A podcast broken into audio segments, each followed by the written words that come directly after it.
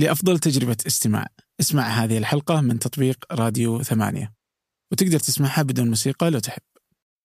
هذا البودكاست برعاية شركة صفا ومنصة سلة للتجارة الإلكترونية وتكافل الراجحي.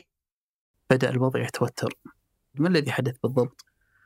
آخر ملوك حمير اسمه يوسف أسار أو ما من أسمته المصادر العربية يوسف بن شرحبيل ذو نواس ثم اتجه إلى الوجود النصراني الأكبر. إلى نجران. وحاصر المدينة عدة أشهر. آه، استطاع أن يقتحم المدينة. وارتكب مجزرة كبيرة. يعني قتل كثير من آه، أتباع الطائفة النصرانية في المنطقة. أهلا. هذا فنجان من ثمانية وأنا عبد الرحمن أبو مالح. قراءة تاريخ أجدادنا من المواضيع المهمة لي شخصيا ومحاولة فهمها من زوايا متنوعة تخلي فهمها أعمق وأفضل. هذه الحلقة عن فهم تاريخ العرب والمسلمين من وجهة نظر الأمم المجاورة. مصطلح العرب مثلا لم يذكر إلا قريب نسبيا. كانوا يطلقون علينا؟ الإسماعيليون آه، نسبة إلى إسماعيل عليه السلام أو الهاجريون آه، أو الطائيون. نسبة إلى قبيلة طي آه، فتجدهم مثلا يذكرون بعد حتى يعني بعد ظهور الإسلام فترة بأن طائيي محمد انتصروا في معركة اليرموك مثلا. حتى لفظ المسلمين لم يذكر عند الأمم الأخرى أول مرة إلا بعد وفاة النبي ب 59 سنة. طبعا جزء من التاريخ مهم وهو حال الجزيرة العربية قبل البعثة النبوية فكانت النصرانية والحملات التبشيرية انتشرت في شرق وجنوب الجزيرة العربية حتى أن مدينة نجران كانت أهم مركز للنصرانية في الجزيرة العربية وكانت ملتقى صراع دون في القرآن. الحلقة عن التاريخ للجزيرة العربية لدى الأمم المجاورة وبلغاتها المختلفة مع ضيفي الدكتور عوض عبد الله بن ناحي أستاذ التاريخ الإسلامي المشارك في جامعة نجران. قبل أن نبدأ آه، يتخذ الإنسان قرارات كثيرة تصل إلى آلاف القرارات في اليوم الواحد لكن القليل من هذه القرارات مصيرية وتؤثر بشكل مباشر على حياة الشخص ومستقبله كيف نتخذ قراراتنا المصيرية؟ وكيف آه، نختبرها؟ وكيف نتعامل مع نتائجها لاحقا أسئلة مهمة لها إجابات شافية في طرح علمي مبسط وشيق يقدمه الصديق والباحث السلوك الاجتماعي محمد الحاجي في أحدث حلقات بودكاست آدم. رابط الاستماع في وصف الحلقة وشكرا لراعي الحلقة شركة صفا ومنصة سلة. أما الآن لنبدأ. أنت تعريفك أستاذ في التاريخ المبكر تخصصك؟ أيوة أستاذ التاريخ. الإسلامي المبكر؟ أحسنت.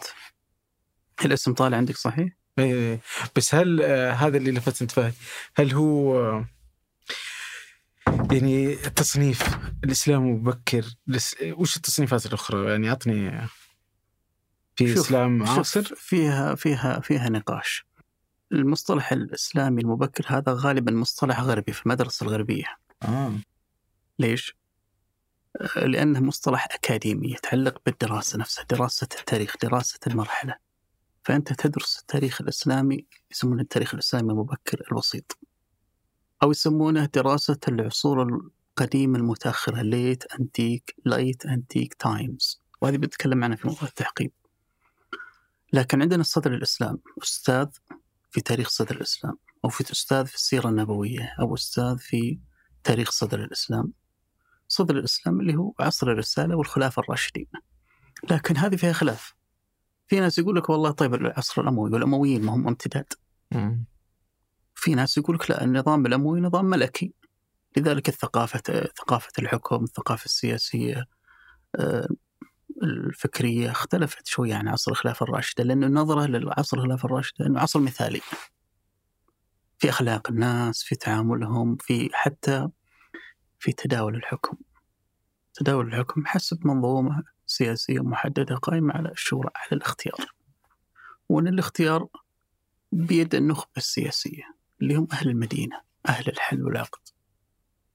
طيب ليش نعتمد آه، المصطلحات الغربية في في تسمياتنا الأكاديمية العربية؟ لأنها مقبولة عندنا.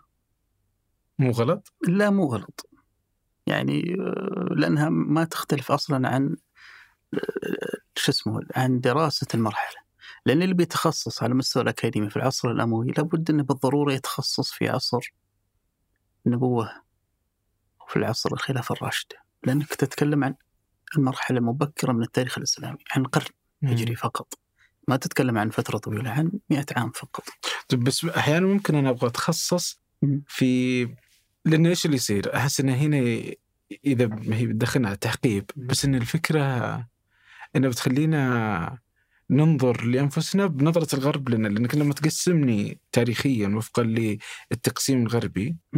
تخليني بالضرورة أنا أفكر فيها بس اني لو اخذت أنا مثلا ما قبل النبوة قسم الحالة لأنه تاريخ مختلف. أيوة. ما بعد النبوة أو صدر الإسلام هذا تاريخ بذاته يعني لو تدخل فيه يعني فيه يعني هو مختلف آه عنا في الأمويين. أيوه. فالامويين حصل فيه فتوحات أكثر أصلا انتقلت الخلافه إلى مكان آخر. صح. وانت ذكرت انها حتى اختلف شكل الحكم بعدين العباسيين. يعني فكل حقبة ممكن أخذ الأمويين لحالهم بمعزل عن صدر الإسلام وأبحثها بحث آه، آه، خاص فيها.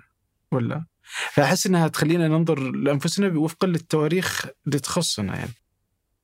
وشوف آه، أنت ممكن إنك تركز لكن ما تقدر تنفصل. يعني أنا أقول خلني مثلا أركز دراساتي على العصر الأموي لكني بالضرورة في أي مسألة تاريخية مثلا لابد أني أدرس خلفياتها وجذورها. بالتالي مثلا جذور مثلا على فكرة جذور العلاقة بين البيتين الهاشمي والأموي تعود إلى عصور ما قبل الإسلام. كونهم بيتين ينضمون أصلا تحت جد واحد هم جدهم عبد مناف. وهم اسمهم بني عبد مناف. وبيتين ينضم ينضويان تحت أسرة واحدة في الأصل. والتنافس بينهم موجود منذ العصر الجاهلي. فهذا بالضرورة لي أنا كباحث أني لابد أن أعود لدراسة جذور العلاقة بين البيتين الأموي والعباسي حتى في عصر العصر الجاهلي. بالمناسبة أنت تتكلم عن الغرب.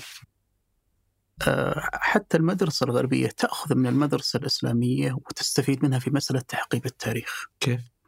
يعني على سبيل المثال هم كان عندهم تقسيم تاريخي تقليدي كلاسيك نسميه. إنه والله التاريخ ينقسم إلى عصور ما قبل التاريخ ال prehistory. بعدين لما اخترعت الكتابة في بلاد الرافدين في الألف الثالث أو الألف الرابع قبل الميلاد اعتبروها حد فاصل حدث تاريخي مهم. بدأت منذ ذلك العهد فترة أو ما سمي بعصور التاريخ القديم أو العصور العتيقة وصولا إلى روما سقوط روما بيد الجرمان. سقوط روما بيد الجرمان حدث عظيم في تصور المدرسة الغربية حدث بشري حدث فاصل في التاريخ البشري. لكن حن عندنا العرب لا يمثل شيء لا يمثل أهمية. لذلك المسلمين ما المؤرخين المسلمين لم يعيروا انتباه لهذا لهذا الحدث تحديدا أو لهذا التعقيب.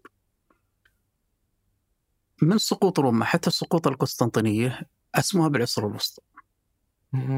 بعضهم أسماها عصور الإيمان. ليش؟ لأن الكنيسة سيطرت على الجو السياسي الديني على مقدرات دول في ذلك الوقت. حتى يعني يعني كثير من المسائل الاجتماعية الاقتصادية السياسية كانت تخضع لتأثير الكنيسة. حتى الكتابة في التاريخ صارت مقيدة بإيش؟ بما يسمى بالتفسير الكنسي أو الديني بمشيئة الله مشيئة الله. ما سبب هذا الحدث؟ ما سبب هذا الانتصار؟ ما سبب هذه الهزيمة يقول لك مشيئة الله. ما يقدر يفسر ويقول لك مثلا ما هي أسباب إيش؟ ليش؟ لماذا هزمنا مثلا في معركة اليرموك أو في بلاط الشهداء أو يقول لك مشيئة الله إنها مشيئة الله. والمفاجأة يعني هذه أو المفارقة خلينا دعنا نقولها نسميها أن معظم المؤرخين الغربيين وقتها كانوا من رجال الكنيسة. على عكس المسلمين لا. منهم رجال دين منهم تجار منهم مثقفين منهم أدباء منهم رجال بلاط يكتبون في التاريخ. بل إن حرية التفكير التاريخي عند العرب أعلى بكثير من الغرب. أيضا خذ عندك مسألة مهمة خلينا نرجع موضوع التحقيب. المؤرخين الغربيين انتبهوا لمسألة أن الفتوحات الإسلامية غيرت الخارطة السياسية والدينية والحضارية للعالم القديم. يعني بدل ما تكون عندك إمبراطورية فارسية وإمبراطورية رومانية وبيزنطية يعني قوتين عظميتين واحدة خرجت من الوجود وهي الدولة الفارسية. الأخرى أصبحت كيان إقليمي وهي الإمبراطورية البيزنطية. الخارطة السياسية أمامك في أقل من نصف قرن تغيرت. فلذلك فيه مؤرخ إيرلندي اسمه بيتر براون. كتب كتاب اسمه عالم العصور الوسطى القديمة. عالم العصور القديمة المتأخر. عالم العصور القديمة المتأخر. The World of Late Antiquities. هو يقول أطروحه. يقول أنا ما أتفق مع الطرح الغربي التقليدي أو الكلاسيكي. أنا أرى أن العصور القديمة ظلت مستمرة حتى ظهور العرب أو الرسالة السماوية وظهور الإسلام. وأرى أن ظهور الإسلام وأن نبوة محمد عليه الصلاة والسلام وما تلاها من أحداث عظيمة هذه هي الحدث الفاصل اللي غير في التاريخ البشري. هذا التصنيف تبناه مجموعة من المؤرخين الأوروبيين أو الغربيين بشكل عام اللي أتوا لاحقا. في بريطانيا في أمريكا في فرنسا كانت لهم مطروحاتهم أصبح هذا المصطلح مرتبط بالعمل الأكاديمي. يعني ليس بالضرورة مثلا يقول كان متخصص في التاريخ الإسلامي وفي الوسيط. يقول أنا أستاذ العصور القديمة متأخرة. يعني مثلا أعطيك على سبيل المثال عندنا أستاذ استضافته بعض المؤسسات عندنا في المملكة هيئة التراث أو دارة الملك عبد العزيز اسمه روبرت هويلاند روبرت هويلاند أهم متخصص في التاريخ الإسلامي مبكر اليوم. في ال bio لما تدخل عنده اليوم في جامعة نيويورك تجده كاتب أستاذ التاريخ الإسلامي والعصور القديمة المتأخرة. يعني ستجد أنهم نحتوا هذا المصطلح. يعني هذا المصطلح ما كان موجود قبل. يعني قبل يمكن 50 سنة ما كان موجود مصطلح العصور القديمة المتأخرة. لكن وهذه العصور القديمة المتوسطة آه، المتأخرة متأخرة آه، هي اللي ما بعد آه، بداية الإسلام؟ لا هي تبدأ من سقوط روما عام 476 آه. حتى ظهور الإسلام أو بداية الفتوحات يعني آه فصارت 600 هي يعني حتى 632 وفاة الرسول صلى الله عليه وسلم اعتبر أن هذه إيش؟ حدث فاصل حدث فاصل وبكذا أزال القسطنطينية صح؟ كيف يعني؟ سقوط لا القسطنطينية سقوط القسطنطينية آه، هو عام 1453 مم. هذا حدث يعتبر في تصورات المدرسة الغربية حدث فاصل ما بين العصور الوسطى. والعصور الحديثة آه. العصور الحديثة المبكرة وش وش الكلاسيكية؟ خلينا أبغى أشوف كيف الغرب يحقبون التاريخ عندهم. أيوة هم كيف يحقبون التاريخ آه، يقول لك في هناك عدة فترات طويلة متباينة يعني عصور ما قبل التاريخ عصور الإنسان البشري البدائي اللي وحتى ما كانت فيه كيانات سياسية ولا معالم واضحة للتاريخ يعني الإنسان وقتها كان يعيش حياة بدائية. هذه اسمها عصور ما قبل التاريخ البري هيستوري هذه العصور تمتد حتى اختراع الكتابة. في بلاد الرافدين أو دعنا نسميه نقول في ما يسمي ما تسميه المدرسة الغربية بالشرق الأدنى القديم اللي هو يشمل منطقتنا العربية والشرق الأوسط اليوم. هذا حدث فاصل. هذه الفترة تمتد إلى سقوط روما. بيد الجرمان. لأن سقوط روما أنهى كيان سياسي كبير اسمه الإمبراطورية الرومانية الغربية. وأحدث تغيير سياسي وديني وفكري وحضاري وبشري بسيطرة قوميات جديدة على روما من عام ألف من عام 476 حتى سقوط القسطنطينية في يد الأتراك والعثمانيين هذه سموها العصور الوسطى عصور الإيمان عصور الظلام. يعني هناك مؤرخين سموها عصور الظلام. يقول لك والله هذه أنا ما نعتبرها عصور الظلام لأن الكنيسة حرمت الفلسفة حرمت العلوم التطبيقية حرمت دراسة الكيمياء حرمت دراسة الفيزياء آه، احتكرت حتى الكتابة التاريخية والأدبية على رجال الكنيسة وعلى رجال الدين سيطرت على المؤسستين التعليمية والسياسية وكثير من مؤسسات الدولة. فهي بالتالي عصور ظلام لأنها عطلت الفكر الغربي على عكس ما هو موجود في العالم العربي أو في العالم الإسلامي وقتها. الدولة تشجع تشجع على على الحركة العلمية على الترجمة على دراسة الفلسفة على آه، حركة الترجمة على دراسة الفلسفة على دراسة العلوم التطبيقية أو التجريبية. آه، ما كان هناك سقف آه، بالنسبة للدولة. أتكلم عن الدولة العباسية في مسألة الحركة الفكرية. يعني كان السقف خلينا نقول نقول السقف عالي عالي جدا يعني. مثلا علم الفلسفة يعني رغم ما أحدث هذا العلم من خلافات فكرية خلافات مذهبية من ظهور فرق فكرية مثل مثلا فرقة المعتزلة. فرقة فلسفية دينية تقول بخلق القرآن. لكن هذه الفرقة لها إنتاج فكري كبير وعظيم. آه، المفارقة هنا أنه مثل ما ذكرت لك قبل قليل أن حتى الكتابة التاريخية كانت مزدهرة جدا. يعني كثير من اللي يكتبون التاريخ صحيح أنهم فقهاء لكنهم بفكر تقدمي. يعني هم كانوا يعملون النقد وكانوا آه، يجمعون الكثير من الروايات كانوا يعتمدون منهجيات متباينة في التأليف التاريخي. ورغم وهذه مسألة مهمة ورغم أيضا ارتباطهم بإيش؟ بالتفسير الإسلامي للتاريخ. بنجي للمسلمين بس بدي نقفل الغرب. الغرب. فهم هذه العصور عصور الظلام أو عصور الإيمان. أيوه. بعدها؟ بعدها تبدأ العصور الحديثة، كيف تبدأ العصور الحديثة؟ حركة الكشوف الجغرافية. حركة الكشوف الجغرافية بعض المؤرخين الغربيين يرى أنها هي الحدث الفاصل اللي آه، يؤرخ ببداية العصور الحديثة. من أسبانيا من البرتغال انطلقت آه، مجموعات لاستكشاف العالم الجديد، استكشاف الشرق. فاسكو دي جاما، كولومبوس، آه، وقتها اكتشفت الأمريكيتين اكتشفت أستراليا اكتشف رأس الرجاء الصالح. وكانت أسباب هذه الحركة دينية اقتصادية سياسية. في المجمل كانت بروح صليبية. لأنه لأنه الدافع الديني الدافع الديني كان محفز وقتها لأسبانيا وللبرتغال وبدعم من البابوية لهذه الكشوف الجغرافية. يعني في بعض التفسيرات جزء من حركة الكشوف الجغرافية هو لمطاردة المسلمين. هو لحصار العالم الإسلامي هو للوصول إلى مكة وبالفعل كانت في حملة برتغالية وصلت إلى حدود جدة.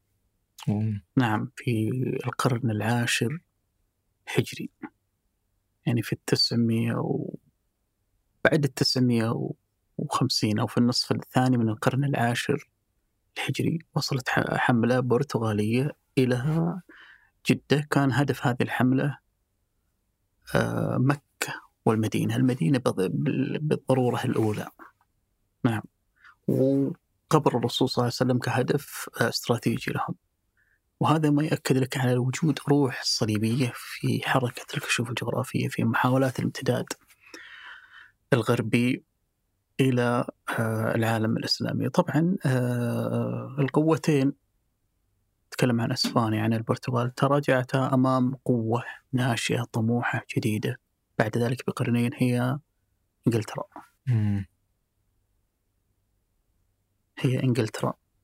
آه، بعد معركة اسمها معركة الأرمادة تغير ميزان القوة السياسية والعسكرية من إسبانيا إلى بريطانيا العظمى أو إنجلترا اللي ورثت كثير من المستعمرات الإسبانية وبدأت عبر شركة اسمها شركة الهند الشرقية تتغلغل مثلا في الهند اللي هي درة التاج البريطاني تتغلغل في كثير من آه، مناطق شرق آسيا وصلت إلى الخليج العربي.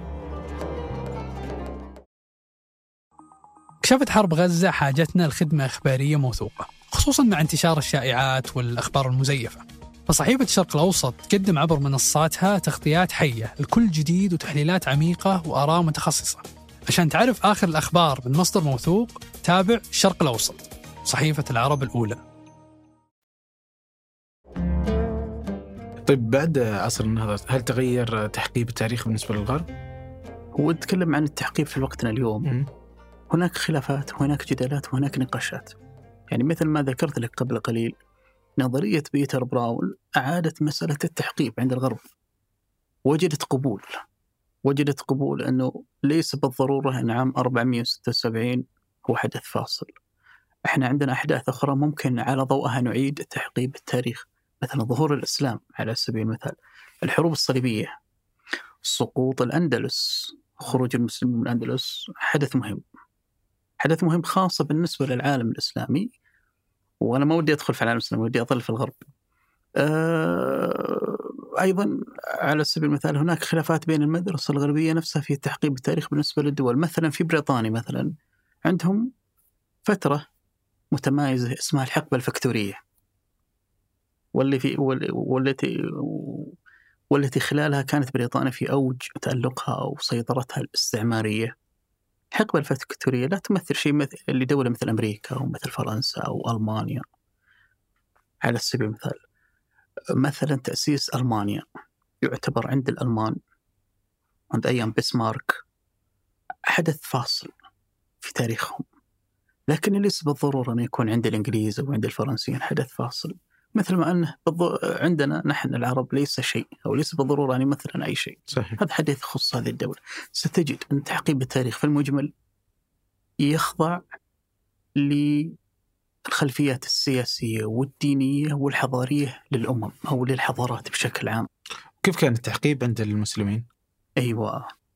التحقيب عند المسلمين آه له فلسفته المختلفة اللي ارتبطت أصلا بنشأة علم التاريخ عند المسلمين نفسها. يعني علم التاريخ آه لمن لا يعلم هو علم عربي إسلامي أصيل. يعني هناك علوم أخذت أو استوردت من أمم أخرى مثل الفلسفة بعض العلوم التطبيقية مثل الكيمياء أو الرياضيات. لكن علم التاريخ علم عربي أصيل. كيف خرج؟ التاريخ لو ترجع لو تعود إلى الحركة الفكرية والحركة العلمية في صدر الإسلام في عصر النبوة عصر الخلافة الراشدة ستجد أن هناك حركة علمية منظمة واضحة أو حركة طلب العلم. أساسها المسجد. المسجد ذلك الوقت كان يمثل المدرسة كان يمثل الجامعة كان يمثل المؤسسة التعليمية. لأن حلقات الدرس تعقد في المسجد والتركيز كان منصب على دراسة العلوم الشرعية. أولها القرآن. ثم دراسة الحديث والحديث هو ما أثر عن النبي صلى الله عليه وسلم من فعل من قول من تقرير صفة بمعناه الشامل. من مدرسة الحديث تجذر علم التاريخ. م. القرآن يحث على الاقتداء بسيرة الرسول صلى الله عليه وسلم. ومن هذا المنطلق حرص الكثير من الصحابة من التابعين من الأجيال المبكرة في هذه الحقبة على جمع مرويات سيرة الرسول صلى الله عليه وسلم مغازيه على دراستها على الاستفادة منها لأغراض كثيرة سواء لأغراض دنيوية أو لأغراض أخروية. على سبيل المثال العطاء العطاء اللي نسميه اليوم الراتب. آه، جزء كبير منهم حرص على أن يعرف ماذا قدمت أسرته في فترة النبوة. وبالتالي كان كثير من الصحابة حريصين أو التابعين حريصين على دراسة السيرة النبوية كجزء من هذا السياق على سبيل المثال. كانوا حريصين مثلا على دراسة السيرة النبوية أه لن أقول لك لأسباب دنيوية ولكن لأسباب علمية. هذا الموضوع تطور مع الوقت. تطور مع الوقت إلى محاولة تدوين السيرة النبوية والمغازي في سياق حركة التدوين لأنه في الفترة هذه كان وسيلة الدراسة وسيلة العلم اللي هي المشافهة. متى بدأ التدوين؟ بدأ التدوين نهاية القرن الأول الهجري. ذلك الوقت. لا يعني أدوات الكتابة كانت معدومة وهذا السبب في عدم وجود التدوين. هو ليس كل الأسباب هناك أسباب متعددة لكن ندرة أدوات الكتابة. يعني ما في ورق ذاك الوقت. يقول ما في إلا الرق الجلد ما في إلا الحجارة ما في ما في أدوات تدوين كثيرة. آه، فلما بدأت أدوات الكتابة تتوفر لما بدأت دواعي التدوين تتوفر أيضا أصبح هناك توجه لتدوين المغازي تدوين السيرة في السياق اللي دون فيه الحديث وقبل ذلك دون القرآن. فظهر عندنا مجموعة من أبناء الصحابة مثل عروة بن الزبير بن العوام. إبان بن عثمان بن عفان كلاهما تابعين تابعين جليلين من أبناء الصحابة. يعني ابان بن عثمان بن عفان أبوه هو الخليفة الراشد. عثمان بن عفان ثالث الخلفاء الراشدين. آه، عروة بن الزبير بن العوام ابن الخلي... ابن الصحابي الزبير بن العوام. ورجل آه، له شأنه في الأوساط العلمية في الأوساط حتى السياسية لكن اتجه لطلب العلم والجانب العلمي في أواخر حياته فدون. المغازي آه، شخصيات أخرى مثلا عندنا وهب ابن منبه من اليمن آه، مثلا وهو من أصول فارسية بالمناسبة شرحبيل بن سعد عاصم ابن عمر ابن قتادة. مجموعة كبيرة حاولت أنها تدون مغازي الرسول صلى الله عليه وسلم وسيرته. للأسف كل هذه المحاولات اندثرت لم تصل إلينا إلا بطريقة غير مباشرة. كيف؟ ظهر جيل ثاني بعدهم. حاول أنه بس وش اللي حصل عليهم؟ ليش اندثرت؟ آه، اندثرت مثل كثير من التراث الإسلامي بسبب أنها لم تنسخ أو لم تتداول أو لم تجد من يحفظها بسبب الزمن بشكل عام كيف وصلت لنا بطريقة مباشرة؟ كيف عبر آه، المؤرخين المبكرين للسيرة النبوية على سبيل المثال مرويات آه، عروة بن الزبير موجودة اليوم في آه، أمهات الكتب كتب التاريخ الإسلام مرويات أنا أتكلم على سبيل المثال الجيل الثاني أو الجيل الثالث حاول أنه ينتقل إلى مرحلة أهم اللي هي إخراج عمل كامل إيش تقصد؟ أقصد مثلا آه كتاب التاريخ في السيرة النبوية كيف ذلك؟ موضوع تدوين السيرة مثل ما ذكرت أنه تطور إلى أن وصل إلى مرحلة آه تدوين عمل كامل من خلال جمع كل هذه المرويات. جمعها في آه سياق واحد في ترتيب واحد. بدل ما يقول لك والله أنا بألف في المغازي فقط مغازي الرسول يقول لك لا أنا بألف سيرة نبوية كاملة. لذلك خرج لدينا مجموعة من الأعمال في نهاية النصف الأول من القرن الثاني الهجري. أهمها على الإطلاق كتاب المبتدأ والمبعث والمغازي لمحمد بن إسحاق بن يسار. محمد بن إسحاق بن يسار كتب أهم كتاب في السيرة النبوية والذي عرف لاحقا بالسيرة بن إسحاق لكن هو اسمه المبتدأ. أشار فيه إلى إسماعيل وإبراهيم عليهم السلام وقصة بناء الكعبة. أشار إلى بدء الخلق قبل ذلك وصولا إلى جاهلية العرب وأهم الأحداث التي حدثت في العصر الجاهلي مثل محاولة هدم الكعبة مثل آه، انتقال قصي بن كلاب إلى مكة وعودة أو انتقال قريش إلى مكة وإخراجها خزاعة مثل حادثة الأخدود والغزو الحبشي لجنوب الجزيرة العربية آه انتقلت قريش من وين إلى مكة؟ آه هذه فيها جدال تاريخي قريش كانوا عبادة عن أشتات عن أشتات خرجوا منذ وقت غير معلوم ثم جاء قصي بن كلاب وهو جد الرسول صلى الله عليه وسلم الرابع الذي جمع هذه القبيلة جمع شملها وكان عبارة عن بادية. آه، ثم أنه دخل في صراع مع قبيلة خزاعة. هذا الصراع انتهى في النهاية إلى انتصار قصي بن كلاب وإخراج خزاعة آه، من مكة وتولي قريش أمر الحجابة السقاية الرفادة أمر إدارة مكة مكة والكعبة الشريفة لأن الحج فريضة كانت موجودة عند العرب قبل الجهاد قبل الإسلام. طيب أه ودي أرجع لل 150 سنة اللي غاب فيها التدوين. إيه؟ أه وش أثرها على تاريخ المسلمين؟ غياب التدوين هذه الفترة الطويلة. هي مرحلة تأسيسية ترى.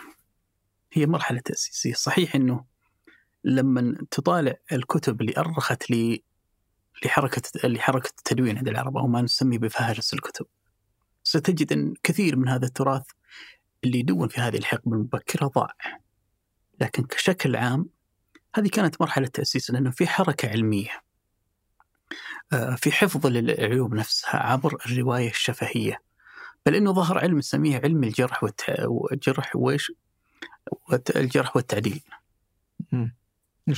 هذا؟ العلم يهتم بالرجال الرواه نفسهم بدراسة موثوقية الرواه فلذلك صنف الرواة على حسب مصداقيتهم. ثبت ثقة حسن صدوق كذوب ليس بشيء مثلا. هذا هو التصنيف الموجود. لذلك علم الجرح والتعديل كان مهم جدا في آه، فرز أو تنقيح المرويات خاصة مرويات الحديث النبوي الشريف اللي وصلت إلينا. فكان هناك حركة علمية منظمة. آه، أداتها أو وسيلتها هي التداول الشفهي بسبب لأسباب طبعا سبب عدم التدوين مثلا. آه، أنا ذكرت لك أنه مثلا ندرة أدوات التدوين هذه سبب مهم. لكن أيضا توجهات السلطة نفسها. يعني مثلا الخليفة عمر بن الخطاب وقبل توجه الدول من عصر الرسول صلى الله عليه وسلم أن التدوير يكون حصرا على القرآن الكريم. وسبب ذلك حتى لا يختلط القرآن بالحديث. إنه خلونا يا جماعة نركز على إيش؟ على تدوين القرآن وعلى حفظ القرآن إلى أن جاء الخليفة عثمان بن عفان فأقدم على خطوة كانت فاصلة. إنه وحد جميع المصاحف على خط واحد وعلى آه نمط واحد وعلى مصحف واحد على نسخة واحدة. هذه النسخة نسخت منها نسخ كثيرة. بعدها بدأ الأمر يتحول إلى موضوع التدوين. تدوين الحديث الشريف هذا كانت خطوة مهمة. يعني نستذكر مثلا أن الخليفة عمر بن عبد العزيز على رأس المئة يعني هو حكم من عام 99 إلى 102 للهجرة. أمر أبو بكر محمد بن عمر بن حازم وهو من علماء التابعين في المدينة المنورة أن يدون لها أحاديث الرسول صلى الله عليه وسلم. وكانت هذه محاولة مهمة. طبعا هذه المحاولة لم يكتب لها النجاح لأسباب اختلف المؤرخون حولها. قيل أنه الخليفة آه، تراجع وأمر بحرقها. قيل أنه آه، اندثرت أو ضاعت. لكنها كانت محاولة مهمة أشار لها مجموعة من المؤرخين. لكن ستجد أن حركة تدوين تدوين السنة النبوية بدأت تتسارع آه، إلى تدوين أعمال كاملة مثل الموطأ لمالك بن أنس على سبيل المثال. ومالك بن أنس مؤسس المذهب المالكي كان في المدينة المنورة والمدينة المنورة ظلت أهم مركز علمي حتى القرن الثاني للهجرة سواء لدراسة السيرة النبوية لدراسة القرآن لدراسة العلوم الفقهية لدراسة التاريخ. يعني محمد بن إسحاق بن يسار هو من مدرسة المدينة لأنه ولد ونشأ وترعرع وطلب العلم في المدينة. وبسبب خلافاته مع بعض آه، كبار المدرسة العلمية في المدينة أو مع بعض كبار الرجال في المدينة وبسبب منهجيته في كتابة السيرة النبوية وبسبب علاقاته دخل في صراعات ودخل في خلافات أدت في النهاية لخروجه من المدينة من وراء إلى العراق فتنقل إلى أن استقر في بغداد. آه وقيل أنه الخليفة أبو جعفر المنصور طلب منه أنه يكتب له عمل في السيرة النبوية بسبب توجهه لهذا المجال وتركيزه على هذا المجال. بالفعل أخرج له كتاب السيرة النبوية التي عرفت باسم لاحقا باسم سيرة ابن إسحاق أو ما عرف بكتاب المبتدأ والمبعث والمغازي. من المآخذ اللي أخذت على هذا الكتاب أنه ضمنه الكثير من الإسرائيليات والشعر المنحول والأخبار التي لا يقبلها العقل. فلذلك أتى عبد الملك بن هشام المعافري فحذب هذه السيرة. حذف منها الإسرائيليات. وأنا بشرح لك الإسرائيليات. حذف منها الشعر المنحول اللي ما يصدق أو الأخبار التي لا تصدق. واختصرها. وأخرجها لنا في قالب اسمه السيرة النبوية لعبد الملك بن هشام. هذا الكتاب هو موجود اليوم عندنا موجود في المكتبات. لكن الأصل اللي كتبه ابن إسحاق أغلبه لم يعد موجود. يمكن في قطعة من هذا الكتاب مخطوط عثر عليها المؤرخ محمد محمد حميد الله حققها ونشرها. آه، ولعل السؤال اللي يمكن في بالك عن الإسرائيليات. ماذا تعني الإسرائيليات؟ الإسرائيليات هي ما أثر عن بني إسرائيل عن اليهود من أخبار من قصص تتعلق بالأنبياء تتعلق بماضي بني إسرائيل بإخبار الأمم السالفة. يعني من أخبار كثير منها أسطورية قد لا يقبلها العقل. لكن هم كثير من المدونين أو المدونين الأوائل أخذوا بحديث الرسول صلى الله عليه وسلم حدثوا عن بني إسرائيل ولا حرج ومن كذب علي عامدا متعمدا فليتبوأ مقعده من النار. هم أخذوا هذا الحديث كحجة في تدوين الإسرائيليات. فلو أتينا إلى مرحلة التحقيب قبل ما أنتقل إلى شو اسمه تطور الكتابة التاريخية ستجد أن التعقيب ارتبط بهذه الكتابة. كيف نظرة المسلمين للتاريخ وكيف يتم تحقيبه؟ هذه النظرة تأثرت بما ورد في القرآن الكريم من قصص من أخبار الأنبياء وأخبار الأمم السالفة. فبناء على هذا ال هذا ال هذا التصور بنى المؤرخين المسلمين تصورهم للتاريخ ولتحقيق التاريخ. أن التاريخ يبدأ آه، من عهد آدم عليه السلام وخلق البشر ونزول آدم وحواء من الجنة. إلى الأرض ثم وصولا إلى عهد نوح عليه السلام والطوفان. وهذه مرحلة فاصلة عند المسلمين وفي المقابل أيضا عند مؤرخي الكنيسة أو الكنائس الشرقية النصرانية أو الغربية.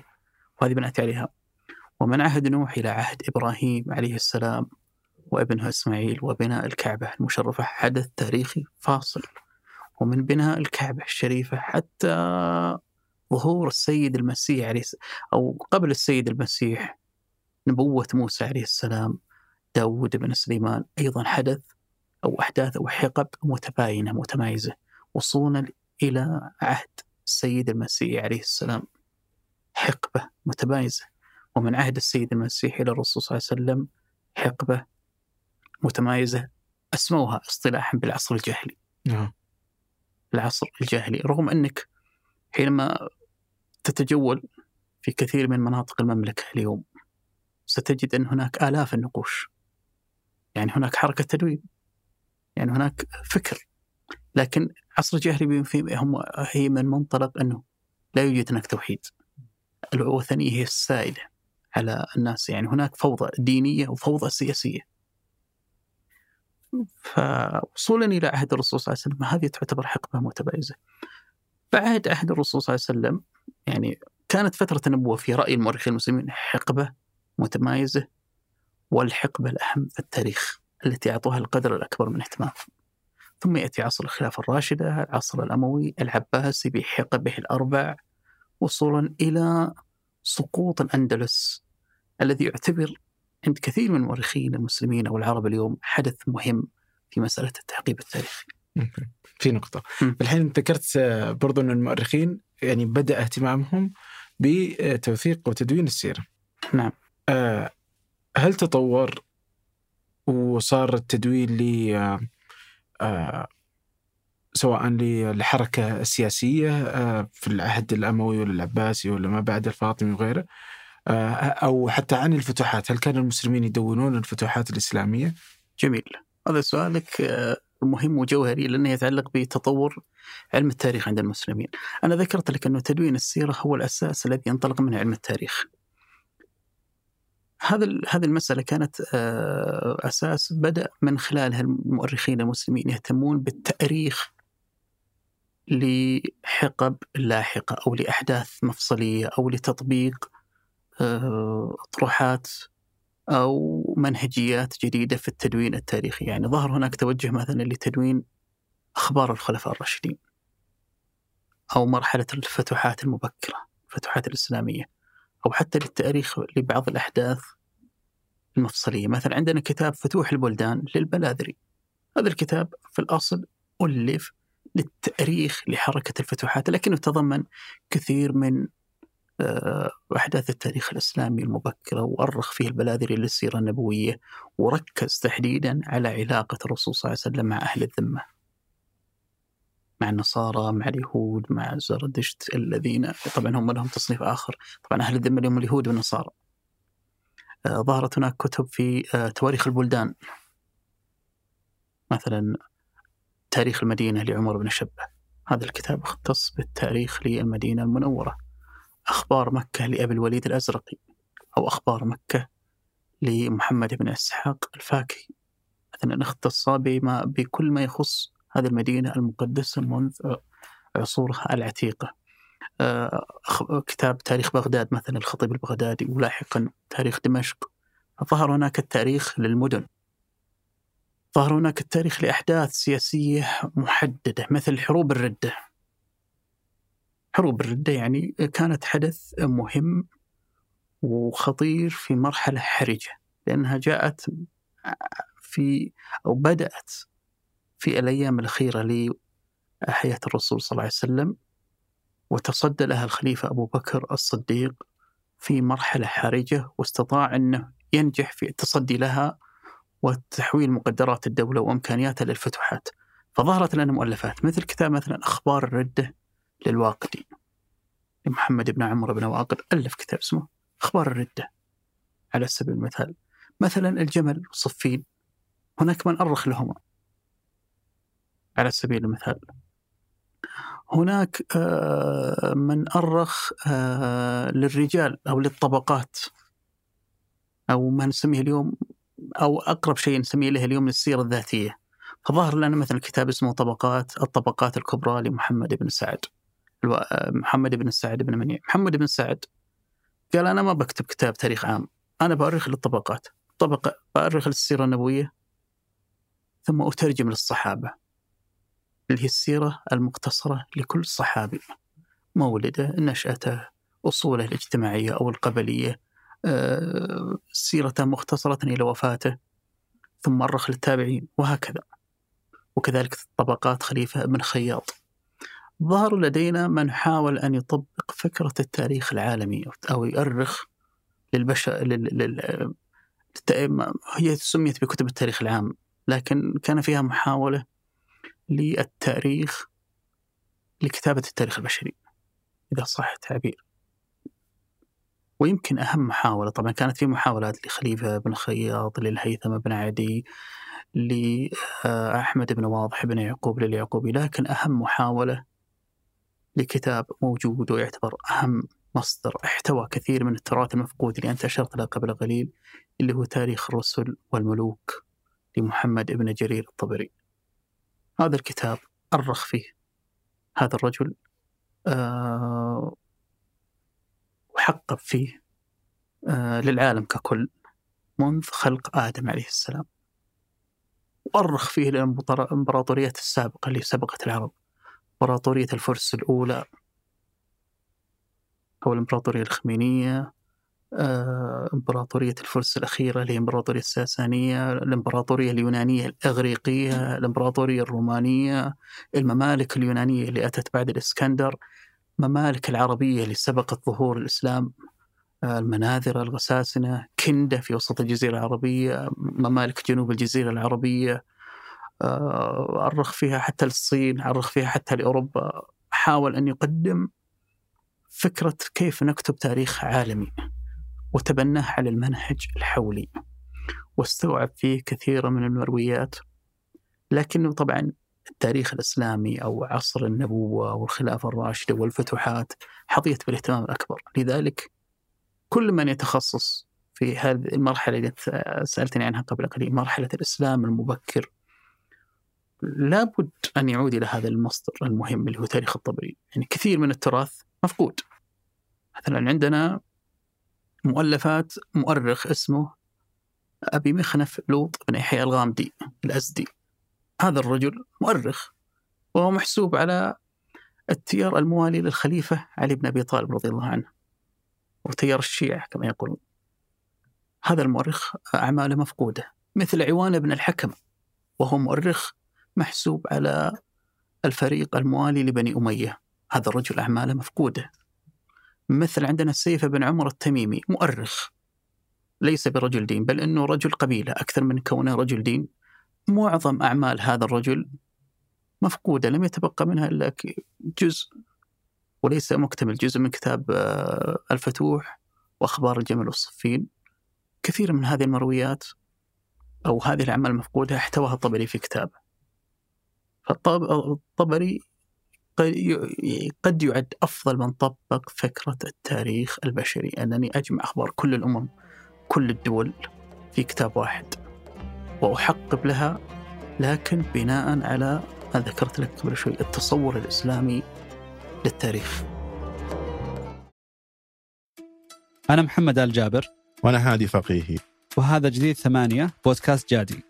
كل أسبوع بنجلس نتناقش حول مواضيع اقتصادية واجتماعية ونتناولها من زوايا مختلفة. ونعرض فيها سياق جديد للأحداث والظواهر الاجتماعية. اشترك في بودكاست جادي من خلال الرابط في وصف الحلقة. الجماليات المعمارية مهمة بس جودة البناء أهم وحداثة التصاميم مهمة لكن الخدمات والمرافق أهم. المهم والأهم مضمون. تملك المستقبل مع وحدات شركة صفاء للاستثمار. أعرف أكثر من الرابط في وصف الحلقة. مسكنك سيارتك مهنتك وحتى صحتك. من أهم الأشياء بالنسبة لك ومهم أنك تأمنها وتحميها. تكافل الراجحي توفر للأفراد والمنشآت تغطية تأمينية شاملة ومتوافقة مع أحكام الشريعة الإسلامية. تطمنك وتوقف معك. اعرف أكثر من الرابط في وصف الحلقة.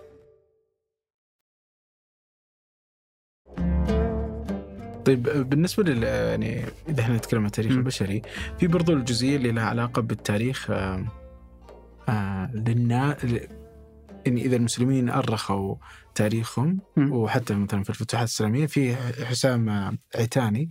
كان يقول إنهم المسلمين برضو أهملوا تاريخ الأمم المغلوبة وهي الأمم اللي آه هزمت آه، مقابل المسلمين.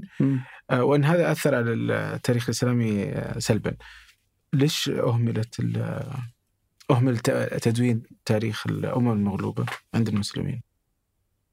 والله شوف إذا هو يقصد الفترة المعاصرة في حركة التدوين التاريخي هو معظم التوجه في المدارس الموجودة اليوم أو إلى وقت قريب خلينا نقول في المئة سنة الأخيرة في المدارس الأكاديمية إذا صح التعبير كان على اعتماد التراث التاريخ التراث التاريخي الإسلامي بيكون أنه هو الأكثر تداولا والموجود لدينا آه، وال- واللي سهل الوصول إليه. لأنه مطبوع منشور. فبالتالي أنت كباحث بإمكانك تروح أي مكتبة وتحصل على هذه المصادر.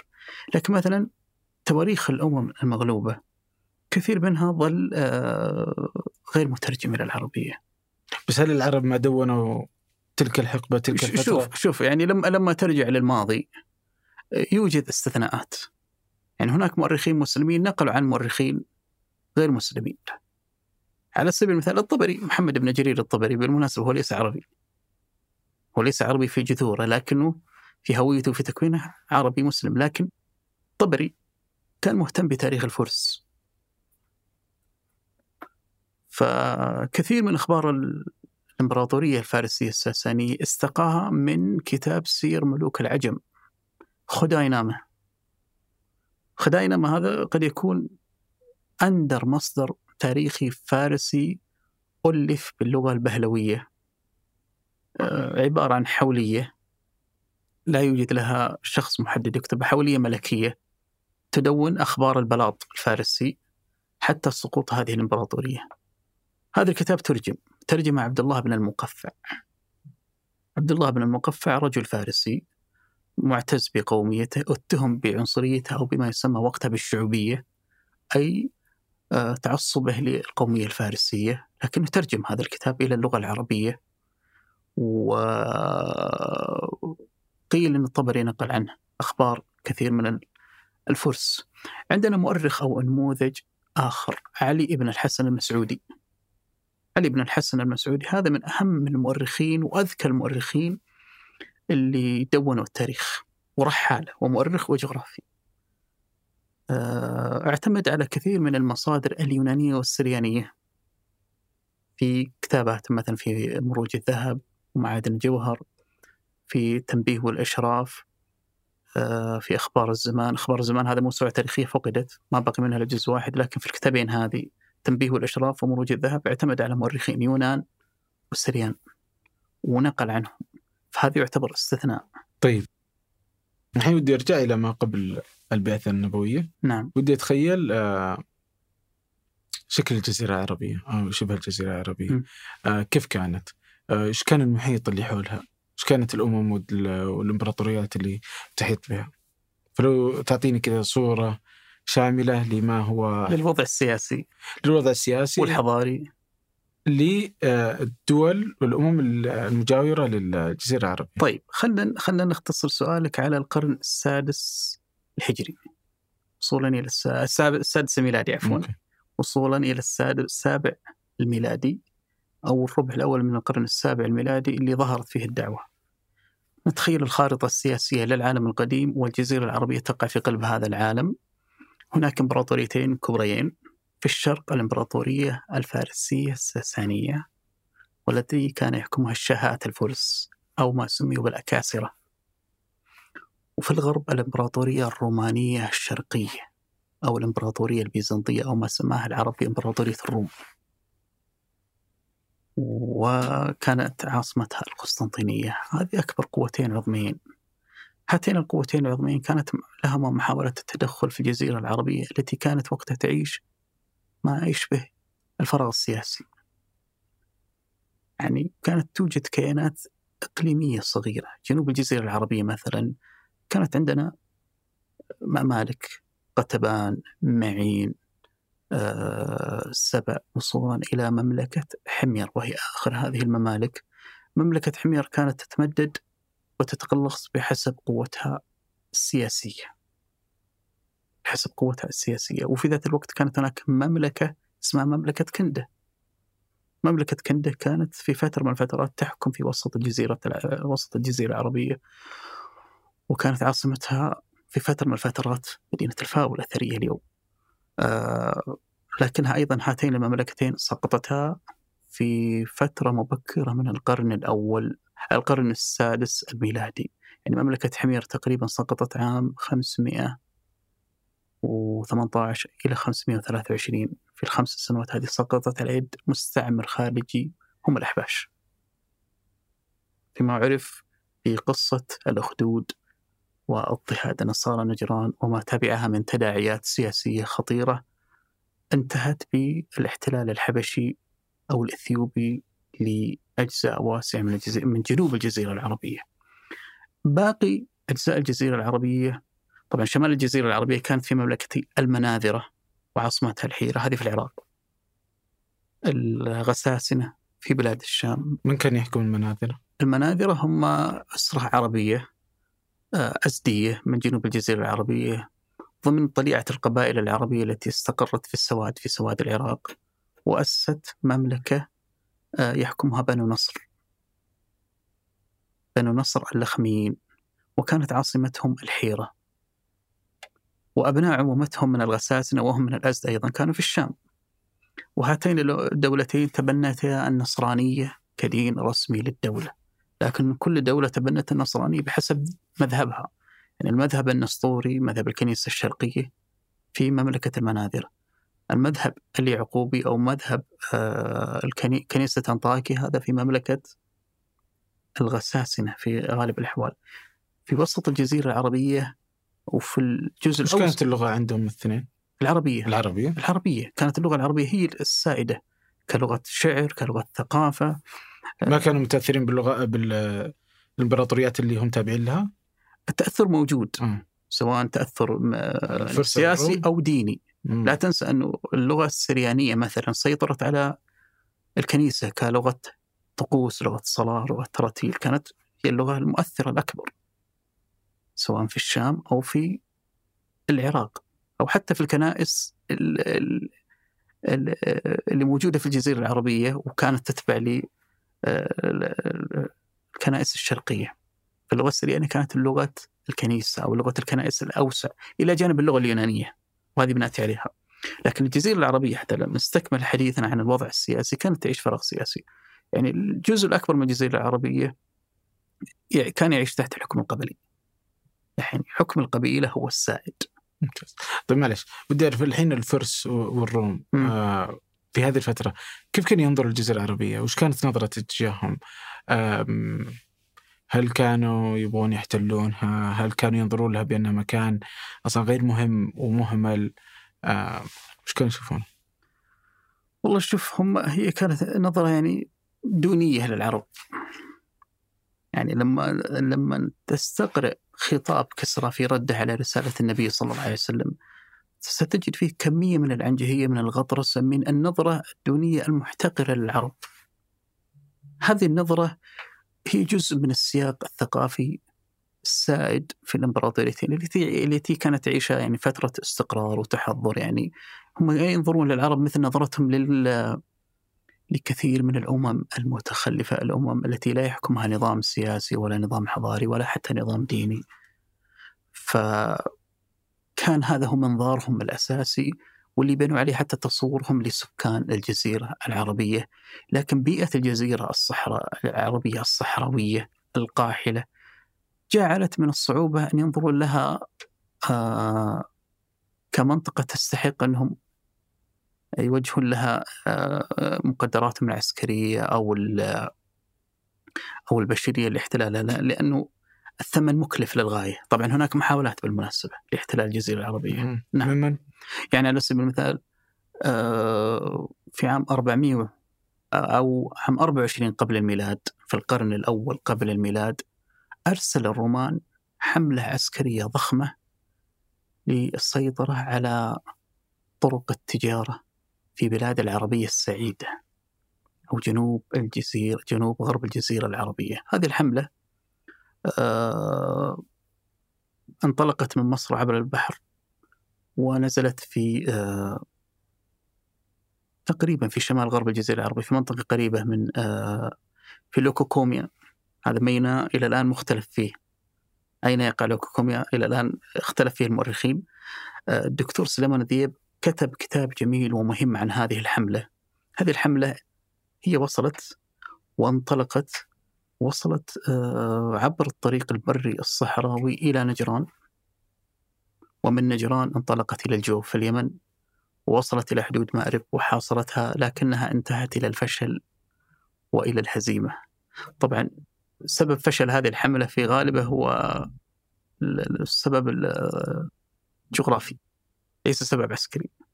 يعني كثير من الجنود ماتوا بسبب العطش بسبب الجوع بسبب الظروف المناخية القاسية لأنهم ما كانوا متعودين على المناخ الصحراوي. فانتهت هذه الحملة بالفشل. فهم وصلوا إلى قناعة أن الرومان على عظمة جيوشهم وقوتهم العسكرية ما استطاعت فشلت. الفرس كانت لهم محاولاتهم. سابور الأول تقريبا إذا لم تخني الذاكرة. قاد حملة عسكرية وصل بها إلى الجزيرة العربية إلى شرق الجزيرة العربية ضد قبيلة بني تميم وانطلق حتى وصل إلى حدود نجد. وطبعا كانت الحملة في في في هدفها الرئيسي محاولة آه، تأديب بعض القبائل العربية التي استولت على بعض القوافل التجارية الفارسية لكنه في الأخير لم يستطع أن يفرض سيطرته السياسية أو العسكرية على هذه الأقاليم فاضطر للانسحاب. فهذه في محاولات لكن في الأخير هي لم تجد النجاح. كيف كان ينظر العرب لهالإمبراطوريتين؟ آه، نظرة العرب هي في الأخير هذه الإمبراطوريتين على أنها دول متقدمة دول متحضرة آه، ولكن آه، أخلاقيا أيضا كان هناك عدم قبول لبعض الثقافات الموجودة في الإمبراطوريتين. لأن العرب لهم موروثهم الأخلاقي لهم موروثهم الحضاري حتى قبل الإسلام. أتكلم عن الموروث الأخلاقي. طيب في هنا حسام آه، عيتاني برضو. آه فكان يقول أن الإمبراطوريتين البيزنطينية والفارسية م. كان لها نفوذ آه على الحبشة واليمن وجنوب شبه الجزيرة العربية عموما وأطراف آه شمالها. بدي أعرف ليش هذه الأماكن اختاروها؟ شوف آه جنوب الجزيرة العربية منطقة مهمة من الناحية الاقتصادية لأنها تقع في في عنق طرق التجارة. وبالتالي قوافل تجارة البخور التوابل تمر عبر هذه المناطق إضافة إلى المناطق غنية اقتصاديا. وتصل هذه القوافل أو هذه البضائع بأسعار كبيرة إلى آه، مصر إلى الشام إلى الأقاليم اللي تتبع الإمبراطورية البيزنطية. آه، الإمبراطورية البيزنطية كانت على علاقة جيدة مع مملكة أكسوم أو الحبشة. آه، وخاصة في الجانب الديني وعلاقة الكنائس. آه، مع بعضها كانت جيدة. الذي حدث حتى أسرد لك السياق النصرانية وجدت سبيل إلى جنوب الجزيرة العربية إلى بعض مناطق جنوب الجزيرة العربية شرق الجزيرة العربية. وكانت هناك محاولات مبكرة لنشر النصرانية. تبنتها الدولة نفسها الدولة البيزنطية. تبنتها الدولة البيزنطية. وفي قراءات كثير من المؤرخين وهذا لا يبعد عن الحقيقة أن النصرانية أو الدين كانت محاولة لبسط النفوذ. ذلك منذ القرن الثالث القرن الرابع. تتابعت البعثات التنصير. هم كانوا يسمونهم ب آه، بعثات التبشيرية. لكن سميتها حملات تنصيرية اللي وصلت إلى مملكة حمير وصلت إلى ظفار وصلت إلى منطقة أهم من هذه كلها نجران. وفي نجران بدأت النجران النصرانية تجد قبول. وبدأت آه، تتوسع. بدأت تنتشر بين كثير من المجتمع. آه، في وقت بدأت اليهودية تبرز في البلاط الحميري أو البلاط الحميري بدأ يتبنى اليهودية كدين مضاد لدين الإمبراطورية البيزنطية وهو النصرانية. بدأ الوضع يتوتر.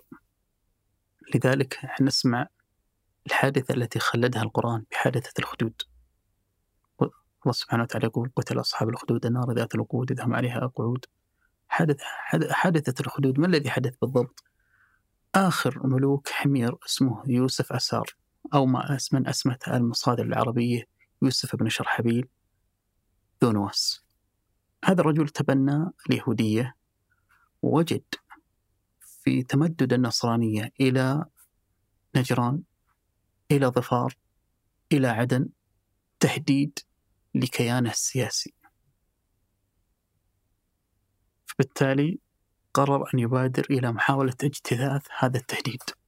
فشن حملات عسكرية على الكنائس النصرانية في ظفار في عدن ثم اتجه إلى الوجود النصراني الأكبر إلى نجران. وحاصر المدينة عدة أشهر.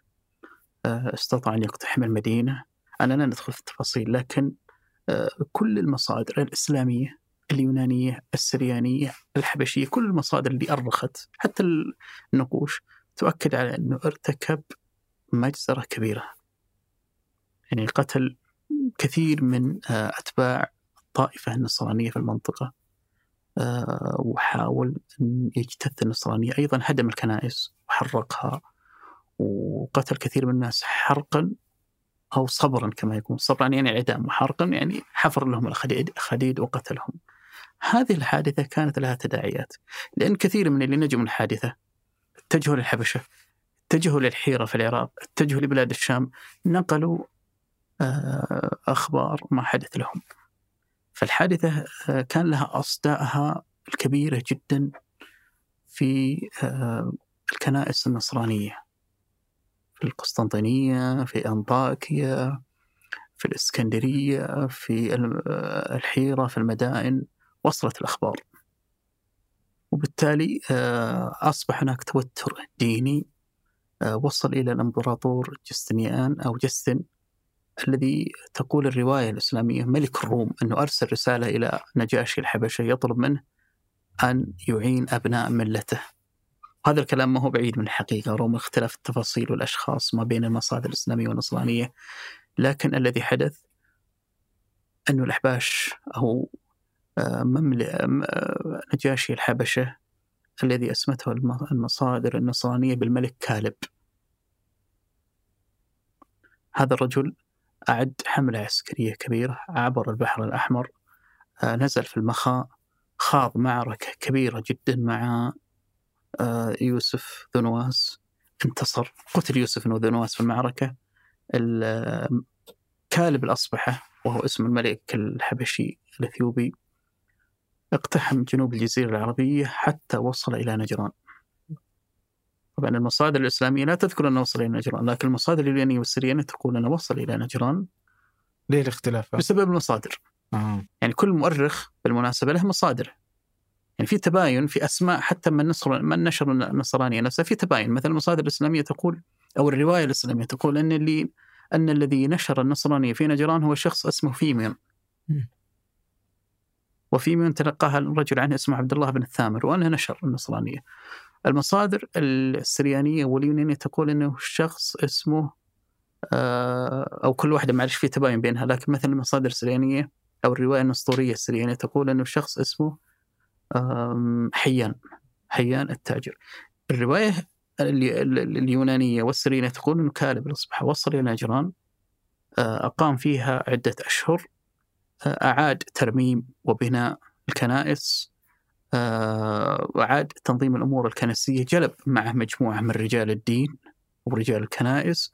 عين إكليروس متكامل للكنيسة أصبحت الكنيسة بمفهومها العقدي أو المذهبي.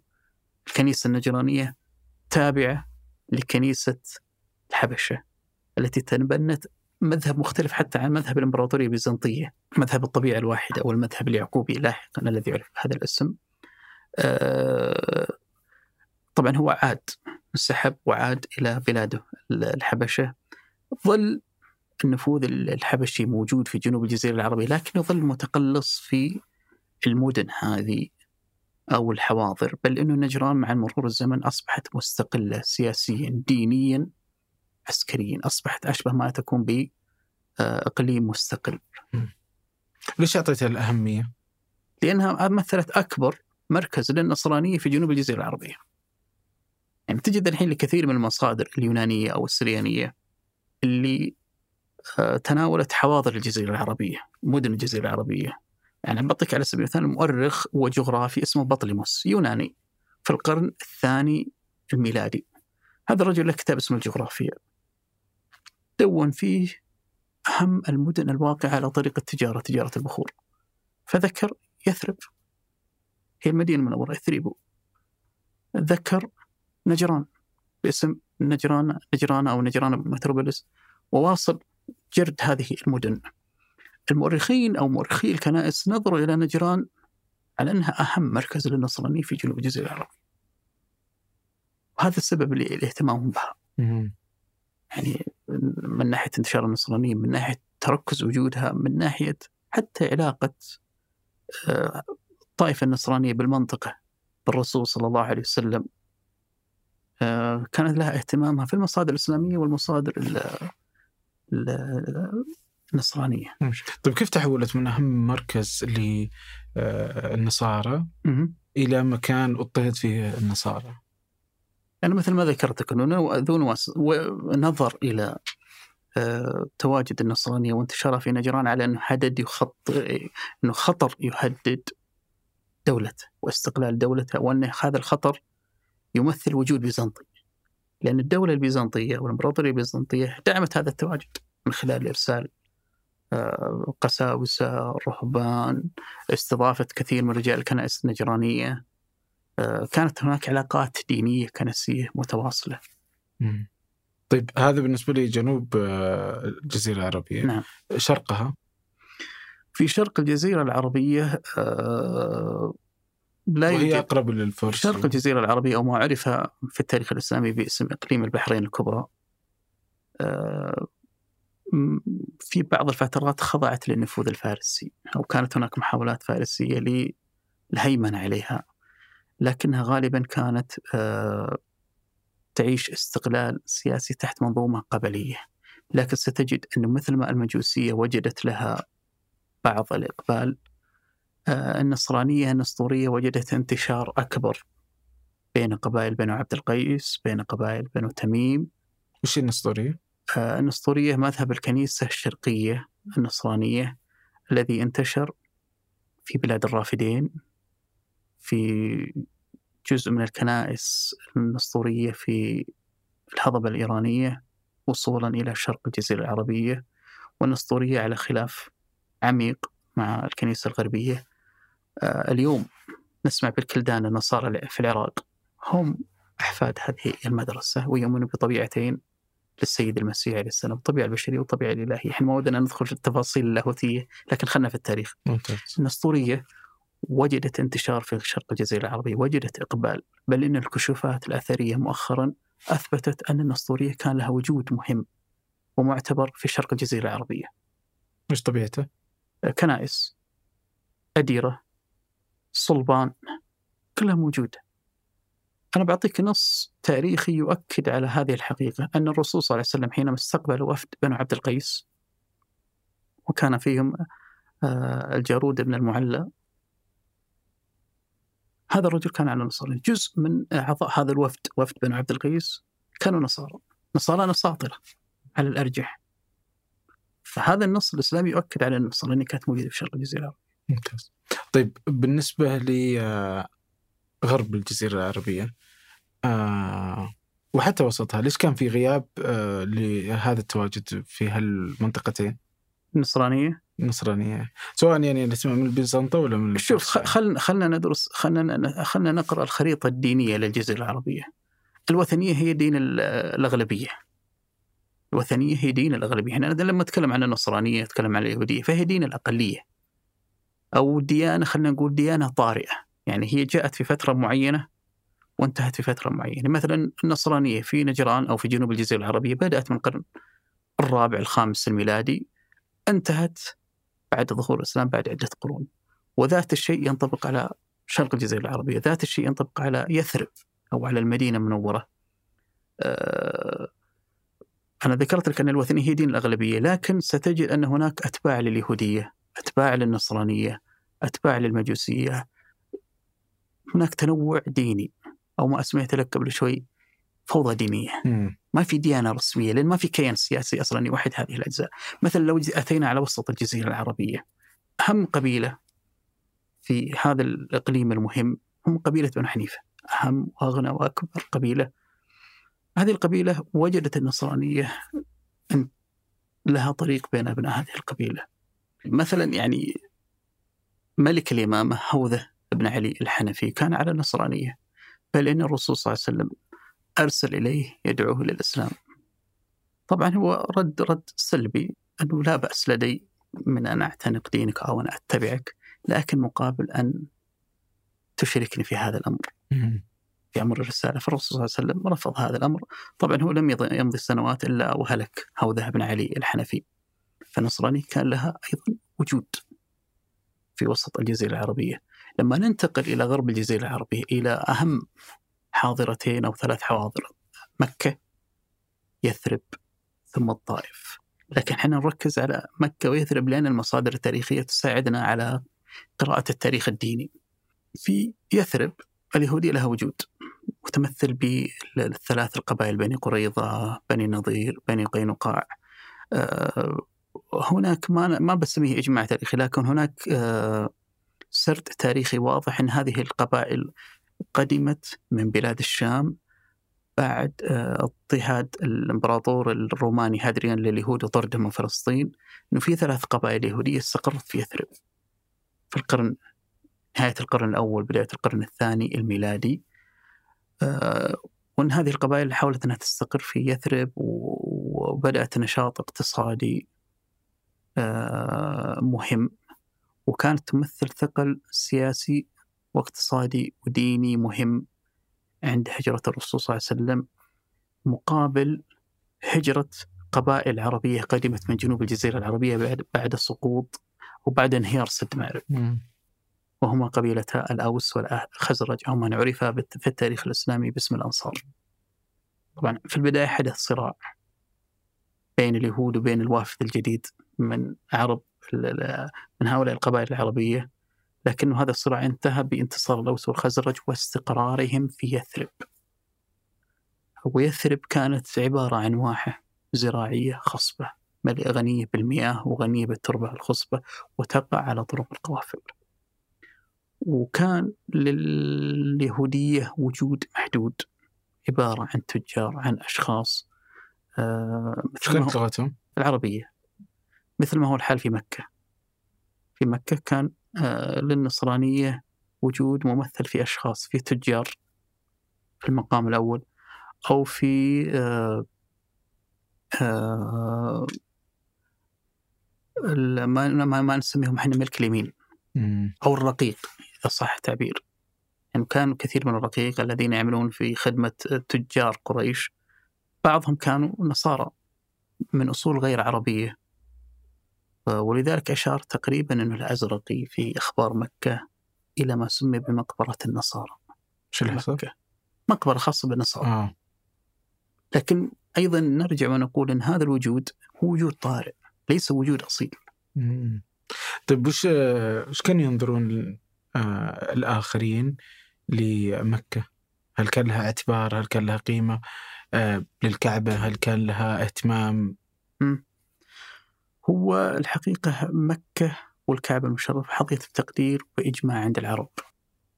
أنه هذا بيت إبراهيم وأنه حرم الله وأن له قدسيته وأن له مكانته. فبالتالي حتى قريش أخذت مكانتها بين القبائل العربية من هذا السياق.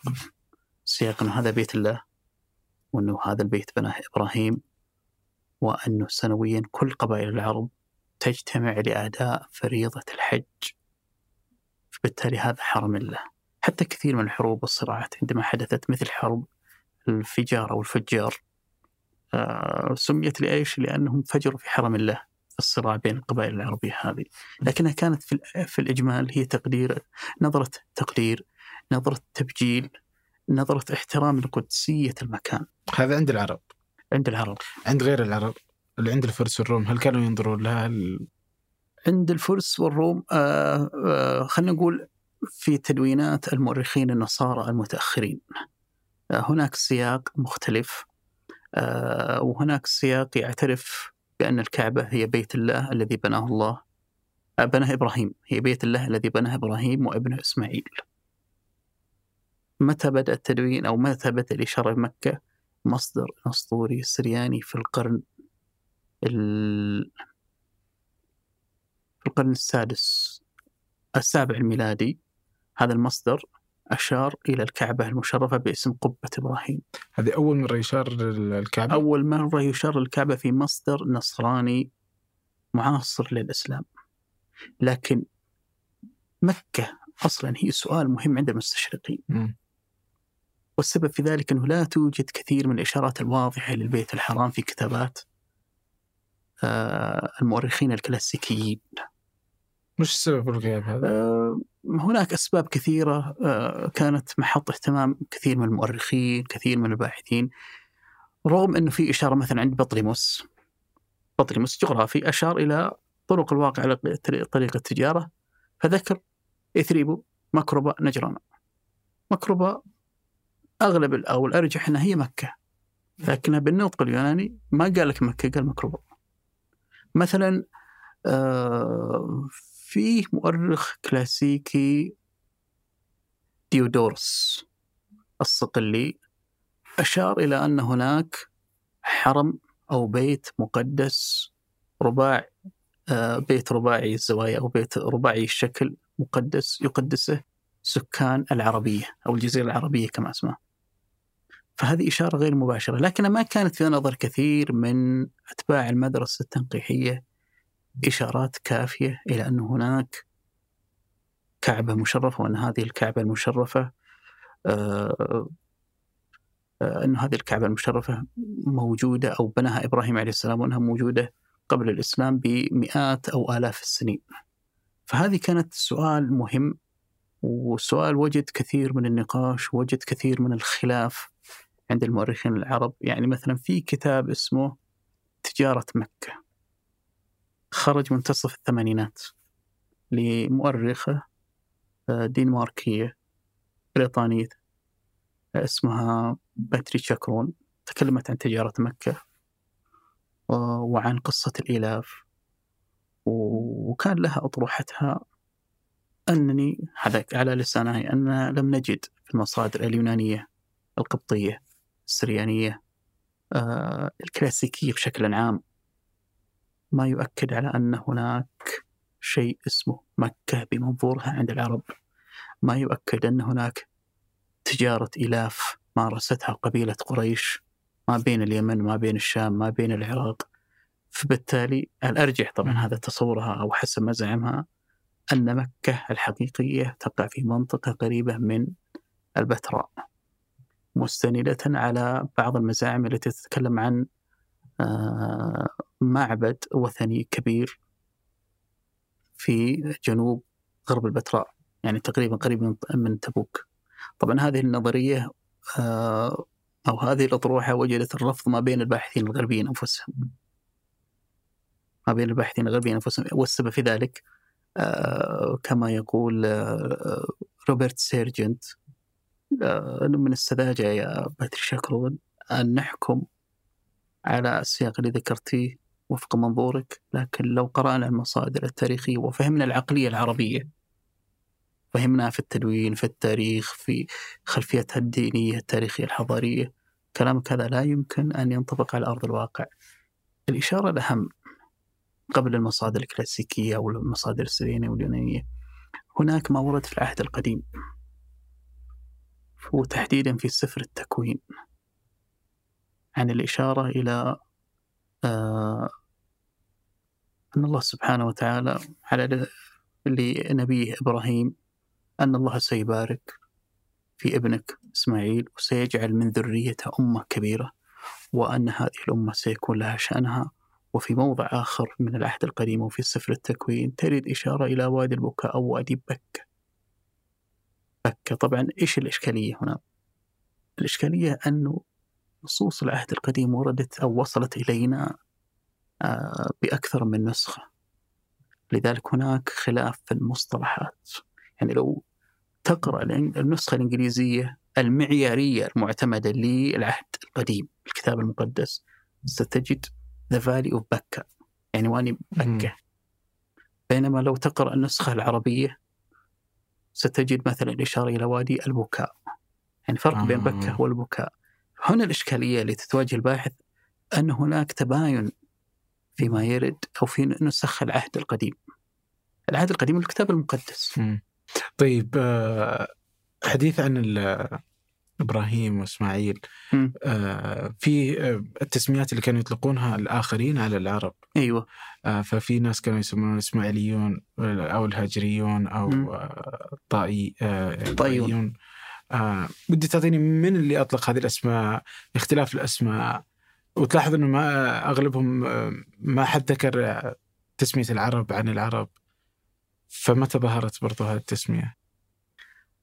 شوف آه، إحنا لو أردنا أن نفهم السياق الكامل لهذه التسميات يجب أن نفهم التصور النصراني المبكر عن سكان الجزيرة العربية، عن الجزيرة العربية نفسها.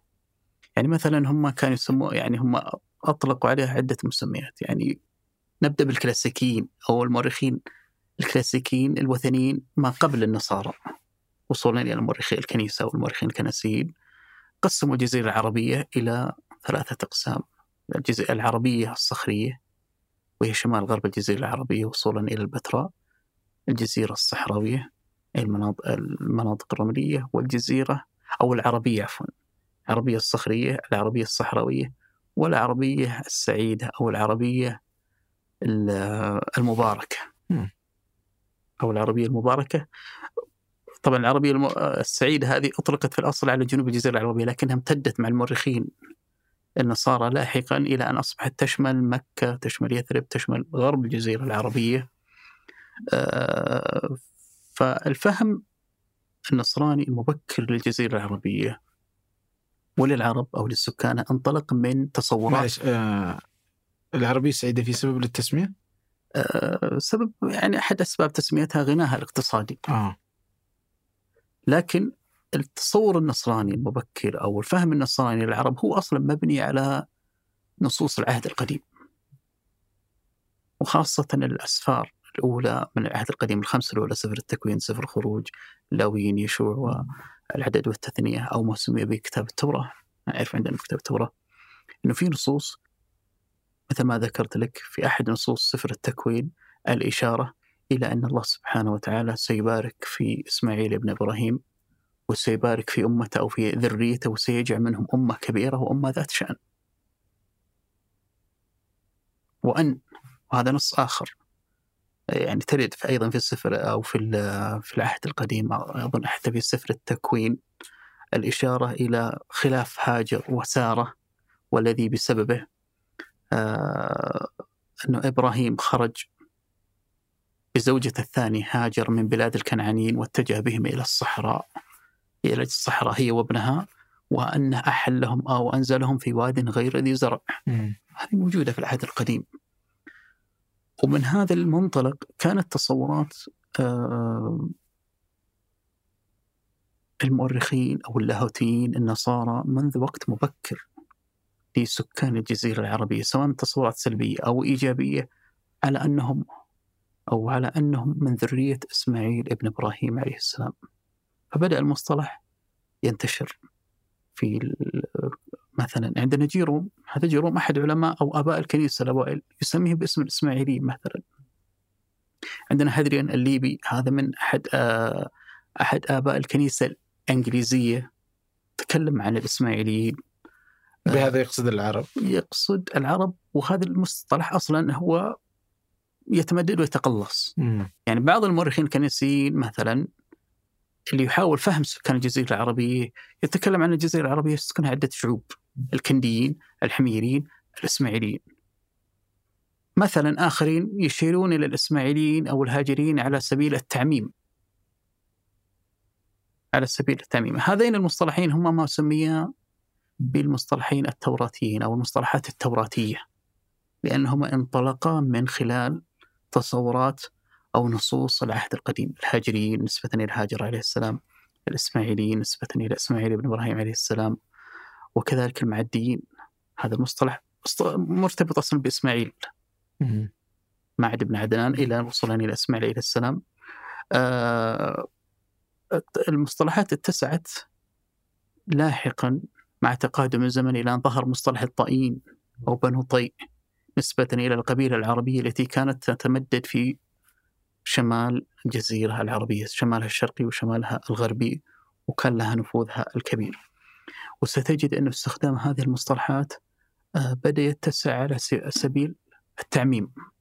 مثلا معركة اليرموك مرت عليكم معركة اليرموك. حينما يأتي مؤرخ أرمني مثل سبيوس أو مؤرخ سرياني يتكلم عن معركة اليرموك يأتي النص وفي هذا العام من عام 700 أو 947 سلوقي أو يوناني حسب التقويم اليوناني انتصر طائيو محمد أو الطائيين. على الروم في معركة الجابية. هذه المصطلحات غير موجودة في الرواية الإسلامية لكنك لو أسقطتها على الواقع اللغوي الجغرافي السياسي ستجد أن الطائيين هم العرب المسلمين. الجابية هي نفسها معركة اليرموك. ال- حتى استخدام التقويم ستجد أنهم أيضا يختلفون أيضا عنه. لكن استخدام المصطلح بدأ يتطور. يعني آه، آه، المؤرخين السريان مثلا كانوا يستخدمون أكثر مصطلح الطائيين مصطلح الهاجريين ومصطلح الإسماعيليين كان منتشر عند السريان الشرق أو النصاطرة مصطلح الإسماعيليين. يعني عندنا المؤرخ الأسطوري يتكلم عن انتصار الإسماعيليين على الفرس. ما يقول لك العرب يقول لك الإسماعيليين على الفرس وأن الله سبحانه وتعالى قد وعد بانتصارهم وأن هذا ما ورد في العهد القديم وأنها مشيئة الله. المؤرخين اليونان سواء اليونان الكلاسيكيين أو اليونان البيزنطيين ما كانوا يقولون غالبا هم يعترفون أنهم من ذرية إسماعيل بن إبراهيم لكنهم كانوا يسمونهم اسم مصطلح اسم مختلف عن هذه المصطلحات. هم السراقنة. ما يقولون إسماعيلي يعني هم هم يعترفون إنهم إسماعيليين وحتى مصطلح الإسماعيلي موجود لكن المصطلح الأشمل أو المصطلح الأكثر تداولا هو السراقنة والسراسنة والسراكين والس... وهذا مصطلح موجود حتى منذ عهد المؤرخين الكلاسيكيين. نسبة إلى؟ مختلف في أصله. وإن كان الأرجح انه أنه نسبة إلى سارة زوجة إبراهيم الأولى آه، منها تجذر هذا الاسم. طبعا هناك رأي يقول إنهم آه، إنه هذا الاسم مشتق من قبيلة عربية سكنت في سيناء اسمهم السوارقة. لكنه في خلاف كبير حول هذا الاسم من أين ظهر. لكنه كان منتشر إلى العصور الوسطى عند المؤرخين الأوروبيين. حتى لما يتكلمون مثلا عن انتصارات خاصة المصادر اللاتينية تتكلم عن المصادر اللاتينية في الغرب الأوروبي. عندما تتكلم عن فتوحات بلاد الشام عن انتصارات العرب في الشام في مصر عن فتوحات الأندلس عن معارك العرب مع الإمبراطورية البيزنطية يتكلم عن انتصار السراقنة على الروم. حتى في ذلك الوقت؟ نعم. آه. يعني مثلا على سبيل المثال هناك مؤرخ إنجليزي اسمه بيدا المبجل. بيدا المبجل آه، عاصر ظهور الإسلام أو عاصر الدولة الأموية آه، يتكلم في حولياته وفي تاريخ آه، هو عنده كتابين تاريخ الكنسي للأمة الإنجليزية وتفسير الكتاب المقدس. في الكتابين هذه دون نصوص مهمة. تخيل في إنجلترا في آخر الدنيا. ويتكلم عن الفتوحات. في هذا المصدر يقول وفي هذا الزمان وفي هذا الزمان آه، سيطر السراقنة من أحفاد إسماعيل على بلاد قرطاجنة قرطاجنة التي نسميها اليوم تونس أو شمال أفريقيا. آه، وأنهم شر مستطير بدأ ينشر الخراب وينشر الدمار وقتل الناس. هذا تصوره هو. مؤرخ آخر عاش في فرنسا آه، له كتاب اسمه تاريخ فريدغار فريدغار هذا حولية لاتينية. آه، تكلمت مثلا عن لما تقول حولية تقصد إيش؟ حولي يعني تاريخ بس إنه بالكتاب الح... ألفت حسب التاريخ ال- ال- الزمني أو الحولي نسميه يعني بالتسلسل السنين فلذلك يسمونه الحوليات. تاريخ فريدغار ألف في فرنسا. أرخ أو تكلم عن آه، معارك فتوحات الشام عن فتح مصر عن فتح الأندلس وهو في آخر الدنيا في فرنسا أو ما سمي وقتها ببلاد الغال أو بلاد غالة. فمصطلح السراقنة أيضا كان موجود ومتداول عند المؤرخين الأوروبيين وكان تصورهم من هذه الانتصارات لا تخرج عن سياق ما ورد في العهد القديم. إنه هذه نبوءة وإنه هذه النبوءة بانتصار هؤلاء الناس اللي خرجوا من الجزيرة العربية تتحقق اليوم في ذرية إسماعيل ابن إبراهيم. آه لما تقول إنها نسبة إلى سارة وإنه هذه واحدة من. التفاسير هل في اختلاف أصلا إنه العرب أبناء سارة أو أبناء هاجر؟ اي في في يعني الإجماع أن العرب أو إنه إنه إسماعيل بن إبراهيم هناك إجماع أن له ذرية وإن الذرية هذه سكنت الجزيرة العربية وإنها بدأت تنتشر وإنها ما هناك خلاف يعني في الحقيقة لكن الخلاف هو في الأصل نفسه كيف تجذر المصطلح نفسه لماذا؟ يعني هناك إجماع مثلا هاجري نسبة إلى هاجر إسماعيلي نسبة إلى إسماعيل طائي نسبة إلى طي القبيلة العربية لكن خلاف في اسم السراقين من أين أتى هذا الاسم؟ في خلاف مم. طيب بالنسبة لمصطلح العرب مم. متى متى أصبح مصطلح يستخدم؟ والله شوف يعني هذا المصطلح لا هل يوجد إحنا اللي سمينا بأنفسنا العرب ولا هم الآخر سمونا لا هو العرب؟ بدأ ينشأ أصلا مع مع تقادم الزمن إذا صح تبين ما في سبب معين يعني أنا ما ودي أعطيك إجابة واضحة لكن أقدم نص أنا أتذكر قرأت في كتاب المفصل في تاريخ العرب لجواد علي نص ناقش هذه المسألة تحديدا أشار إلى بعض النقوش الأشورية التي أشارت إلى هذا المصطلح يمكن في القرن السابع الثامن قبل الميلاد. أي واشتق هذا الاسم من آه، مصطلح البادية. يعني العرب رديف للبادية أو لسكان الصحراء. وأن هذا الاسم بدأ يتطور شيئا فشيئا حتى أطلق على هذه الأرض. طيب مصطلح المسلمين؟ مع الإسلام. هل متى بدأ ذكره في عند الآخر؟ نسبة للمسلمين؟ هو متأخر. هذه؟ وهذه المفارقة. المفارقة أنه المؤرخين الكنسيين ما كانوا يسمونهم أغلبهم يعني ما كانوا يسمونهم مسلمين. في ال- في, في الأغلب ما كانوا يسمونهم مسلمين. كانوا يستخدموا مصطلح مثل ما ذكرت لك الإسماعيليين أو الهاجريين. لكن حتى في دينهم ما كانوا يسمونها الإسلام. يعني بعطيك على سبيل المثال الشخصية عملت في البلاط الأموي. اسمه منصور بن سرجون الرومي كما اسموها المؤرخين العرب أو كما اسمتها المصادر النصرانية يوحنا الدمشقي.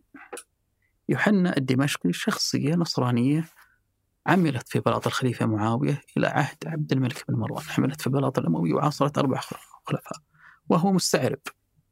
لكن هذا الرجل ألف كتاب بعد ما آه، اعتزل العمل السياسي وترهب وانتقل إلى حياة ال- الكنيسة. ألف كتاب اسمه هي منابيع المعرفة موسوعة لاهوتية اسمها ينابيع المعرفة. في هذه الموسوعة خصص الجزء الآخر لمناقشة آه، الملل والأديان التي عاصرها. فأسمى هذا الجزء بكتاب الهرطقات أي البدع الهرطقات يعني بدعة. ثم وصل إلى ما اسمه هو ببدعة الإسماعيليين أو هرطقة الإسماعيليين. ستجد أنه في هذا النص أو هذا الفصل الذي خصص عن الإسلام لم يتكلم عن الإسلام لم يسمي الإسلام باسمه الحقيقي. ابدا. أبدا. هو تكلم عن بدعة الإسماعيليين هو تكلم عن تقديس العرب للحجر الأسود.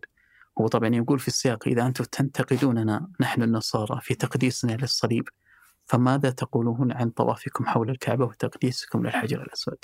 طبعا هو نص جدلي لاهوتي لكنه له مضامين تاريخية مهمة جدا. المصطلح هذا متأخر يعني يمكن ما ظهر إلا في أواخر ال- في أواخر ال- العصور الوسطى وإن كان مصطلح عرب أقدم منها لكن الإسلام كاسم ظل متأخر. طيب آه ظهور آه، النبي صلى الله عليه وسلم آه كيف كان؟ كيف كانوا ينظرون له؟ مهم. هو ما يخرج أيضا عن هذا السياق لكنه مسألة تكتنفها يكتنفها الغموض الاضطراب والإثارة. أي كيف الإثارة؟ أقدم نص نصراني أشار إلى الرسول صلى الله عليه وسلم كان بعد وفاته بأقل من سنتين. نعم بأقل من سنتين. آه، وهذا المصدر هو رسالة في الجدل كتبت باليونانية. كتبت باليونانية تقريبا سنة 13 للهجرة. كتبها شخص نصراني أو متنصر وكان يهودي ثم اعتنق النصرانية. وكتبها في الجدل بين اليهودية والنصرانية بدأ في كتابتها في فلسطين ومع وصول العرب إلى فلسطين أو المسلمين إلى فلسطين انتقل إلى قرطاجنة أو تونس وأكمل رسالته. آه، طبعا الرسالة أغلب نصها نص لاهوتي لكن ترد فيه رواية تاريخية مهمة جدا. في هذه الرواية يتحدث شخص اسمه إبراهيم. إبراهيم اليهودي يقول أنني وصلت إلى مدينة قيسارية مدينة ساحلية في فلسطين. فوجدت الناس يتكلمون عن مقتل سرجيس الضابط البيزنطي على يد السراقنة مم. في تقريبا يوليو عام 634 أي سنة 13 للهجرة بداية السنة الثالثة عشر للهجرة وأن وأن ظهر من بين هؤلاء السراقنة نبي اسمه نبي؟ إيه نبي إيه نبي يبشر بظهور المسيح والممسوح وأن هذا النبي يحمل مفاتيح الجنة ويدعو إلى عبادة رب إبراهيم تقريبا حسب الذاكرة.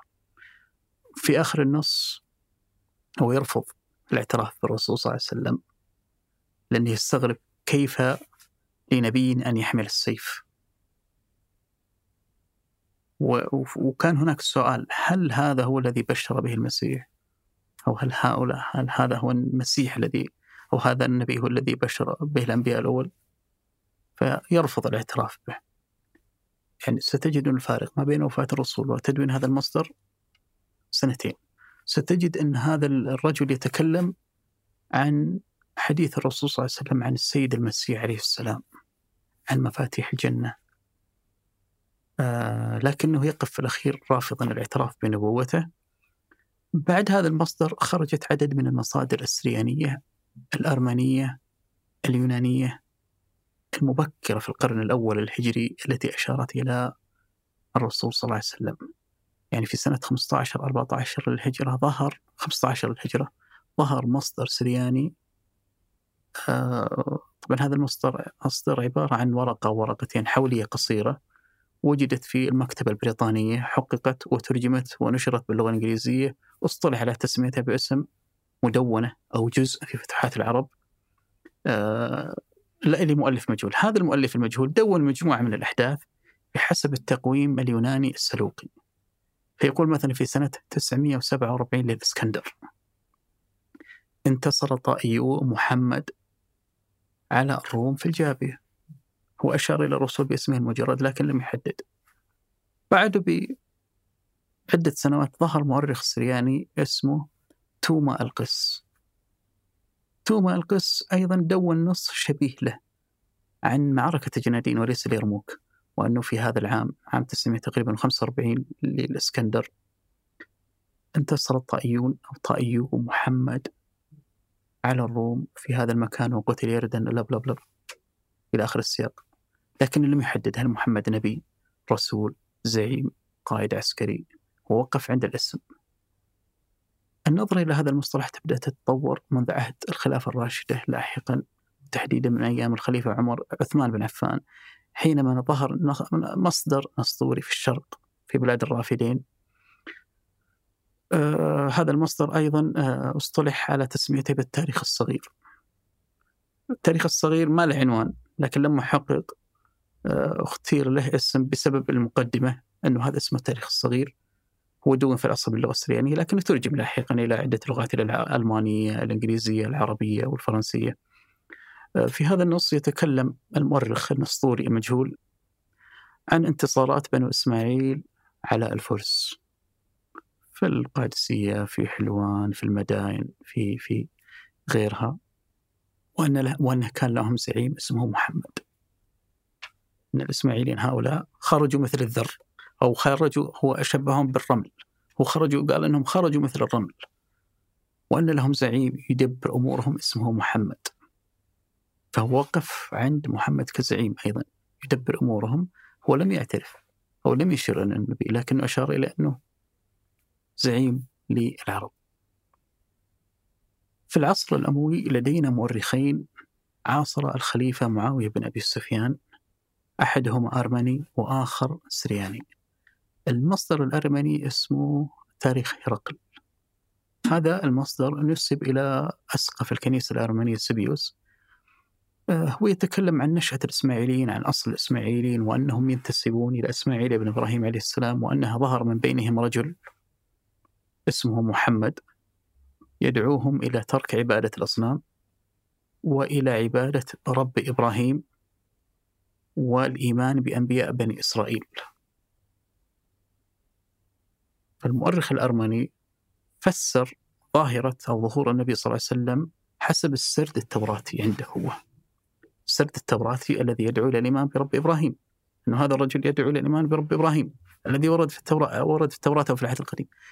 ويدعو إلى الأنب... الإيمان بأنبياء بني إسرائيل. ويدعو إلى تبجيل السيد المسيح عليه السلام.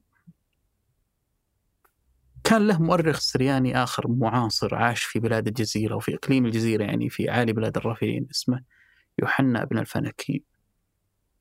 يوحنا بن الفنكي كان معاصر لمعاوية بن سفيان. في البداية هاجم العرب وهاجم المسلمين وأنهم نشر الدمار ونشر الرعب بين الشعوب الأمة النصرانية. آه، ولكن في هذا الزمان ساد الأمن ساد الأمان وساد التسامح والتعايش بين كل هذه الشعوب التي عاشت تحت حكم هذا الرجل معاوية بن أبي سفيان الذي يحكم كل هذه الأراضي أو الأقاليم التي تقع تحت حكم كانت تقع تحت حكم الدولتين البيزنطية أو الرومانية, والفارسية. وأن سبب قوة هذه الأمة وسبب انتصارهم وخروجهم من بلادهم ومن أرضهم يقصد الجزيرة العربية أن خرج من بينهم رجل مرشد وداعي يدعوهم إلى ترك عبادة الأصنام وعبادة الخالق عز وجل ويدعوهم إلى التطهر والنظافة والختان. طبعا الختان هذه عادة غريبة عند النصارى لذلك ستجد أنه في بعض النصوص يسمون الإسماعيليين أو العرب بالأمة المختونة أو الإسماعيليين المختونين. الختان موجود عند في الإسلام موجود في اليهودية لكن غير موجود في النصرانية كممارسة مرتبطة بالدين بالإسلام أو كممارسة الطهارة. فهو كان يدعوهم بالمختونين وأن هذا الرجل هو هو من أسس دولتهم ومن أسس دينهم الجديد ومؤسس معتقدهم ومن أسس هذه المنظومة الحضارية والدينية الجديدة. المصطلح يتطور إلى أن نصل القرن الثالث الرابع الهجري إلى أن يعترفون أنه صلى الله عليه وسلم كان رسول وأنه خرج من بين أمته وكانت في محاولات لربط آه، بعض ممارسات الكنائس النصرانية بالرسول صلى الله عليه وسلم. يعني مثلا عندنا تاريخ دون بالعربية اسمه تاريخ سيرت أو التاريخ السيرتي يتكلم عن أنه في وفد نصراني جاء من العراق ووفد عن النبي صلى الله عليه وسلم إضافة إلى الوفد النصارى نجران لكن هذا نص منحول. كان في شيء من التقدير في الكنائس النسطورية الشرقية.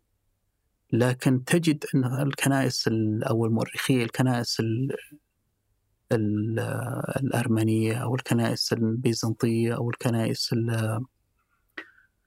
السريانية الغربية أو اليعقوبية آه، كانت آه، تنظر إلى الرسول صلى الله عليه وسلم وإلى الإسلام في السياق السلبي وخاصة آه، مؤرخي الإمبراطورية البيزنطية. يعني مثلا أهم مؤرخ بيزنطي أو مؤرخ البلاط البيزنطي اسمه ثيوفان المعترف. ويتكلم مثلا عن أنه في هذا الزمان حسب تقويم اليوناني أو الإسكندر ظهر من بين السراقنة رجل يدعي النبوة أو يزعم النبوة وأنه ينتمي إلى ذرية إسماعيل ابن إبراهيم عليهم السلام ثم يجي ويقسمهم إلى مضر إلى ربيعة إلى قريش إلى باقي التسلسل القبلي وأن هؤلاء آه، ظهر ما بينهم هذا الرجل وأنه قادهم إلى بدعة جديدة. ولا يقر أنها دين صحيح لا يقر أنها بدعة. ثم يبدأ في محاولة القدح في نبوة الرسول صلى الله عليه وسلم. على عكس مؤرخ أسطوري في العراق اللي ذكرت لك اللي هو مؤرخ تاريخ سعرت يتكلم عن الرسول صلى الله عليه وسلم في السياق التوراتي الإيجابي. وأن هرقل اللي هو الإمبراطور البيزنطي اللي أرسل له الرسول صلى الله عليه وسلم كتاب يدعوه للإسلام آه، استدعى قساوسته وسقفان والأساقفة ورجال الكنيسة استدعاهم وسألهم لماذا هذه الهزائم المتكررة؟ من هو هذا الرجل؟ وما الذي يدعو له؟ قالوا هذه مشيئة الله التي وردت في العهد القديم. فقال أجل دعوهم ولا ولا تحاولوا أن تثيروهم لأن هذه إرادة الله وهزيمتنا هو يتكلم عن نفسه إرادة الله. فإرادة الله حسب تصور النصراني كانت السبب في انتصارات المسلمين. ونزاعات النصارى أنفسهم وذنوب النصارى أنفسهم كانت السبب في انتصارات بنو إسماعيل وفي ظهور نبوة محمد صلى الله عليه وسلم. فهي دائما ترتبط في نصوص العهد القديم ومحاولة تفسير نصوص العهد القديم لكنها أيضا لا تخرج عن التصور السلبي. التصور السلبي اللي يحاول أن آه، يصورها في آه، صورة آه، يعني يصور العرب في صورة الشعب الهمجي الشعب اللي ينشر الدمار اللي ينشر الخراب ثم يعود بعض هؤلاء المؤرخين اللي يعترفون أن هؤلاء الغزاة نشروا الأمن والسلام. بل إن من هؤلاء المؤرخين من يعترف أن هؤلاء الطائين أو الهاجريين آه، كانوا متسامحين مع كنائسنا. لما يحاولوا أن يستثيروا كنائسنا أو يجبروننا على دينهم أو على معتقدهم. ولذلك حكم هؤلاء الإسماعيليين والهاجرين أفضل لنا من حكم البيزنطيين.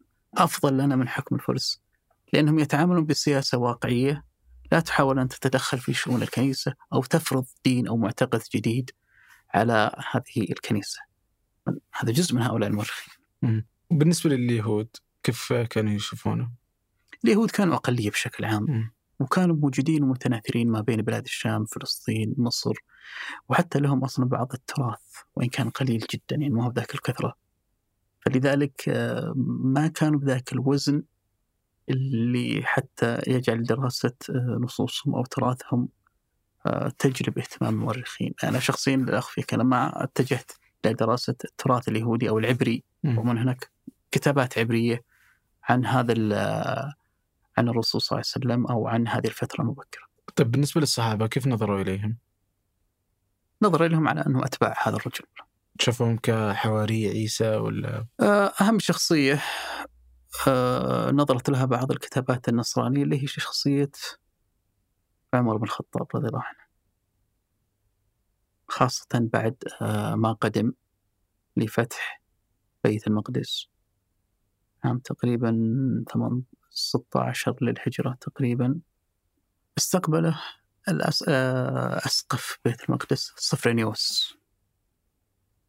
صفرانيوس وصفرانيوس بالمناسبة هو من أوائل من تكلم عن انتصارات السراقنة وعن آه، نشرهم الرعب في آه، فلسطين أو في بلاد الشام في وقته وأنهم خطر داهم يهدد أمته. وكانت له ثلاث خطب يعني واحدة منها مثلا في مولد المسيح وواحدة في رأس السنة. في الثلاث الخطب كان يندد بالغزوات أو آه، بغزوات العرب أو غزوات السراقنة وكان يهدد آه، كان يحذر أمته من مغبة آه، الاستسلام لهذا الخطر الداهم وأنه يجب التصدي له. ولكن مع ذلك ستجد أن هذا الرجل هو من يعقد إتفاقية تسليم بيت المقدس. ويتفاوض مع الخليفة عمر بن الخطاب. آه هذا الحدث المهم اللي هو مجيء الخليفة بنفسه لاستلام المدينة المقدسة وما تبعها من اتفاقيات مهمة اللي هو عهد الأمان أو العهدة العمرية اللي ضمنت للنصارى حريتهم ومعتقداتهم وحماية حتى المقدسات أو الأماكن المقدسة. آه، نظر إليه بعض ال- ال- المكونات النصرانية وحتى اليهودية على أنه هو الفاروق أو هو المسيح المنتظر مم. إيه لكن لما رأوه يأكل لحم الجمل اتضح لهم أنه غير ذلك تخيل لحم الجمل. قالوا أن هذا ليس هو المسيح الموعود هم كانوا يتصورون اليهود أن عمر هو المسيح المسيح الموعود وكان آه، لقب الفاروق آه، مذكور آه، هو هو بدأ من شو اسمه يعني هو في خلاف أصلا في لقب الفاروق. هل الرسول صلى الله عليه وسلم اطلق عليه اللقب هذا؟ وكان حديث. أو إنه حتى مرتبط بنصارى أنفسهم.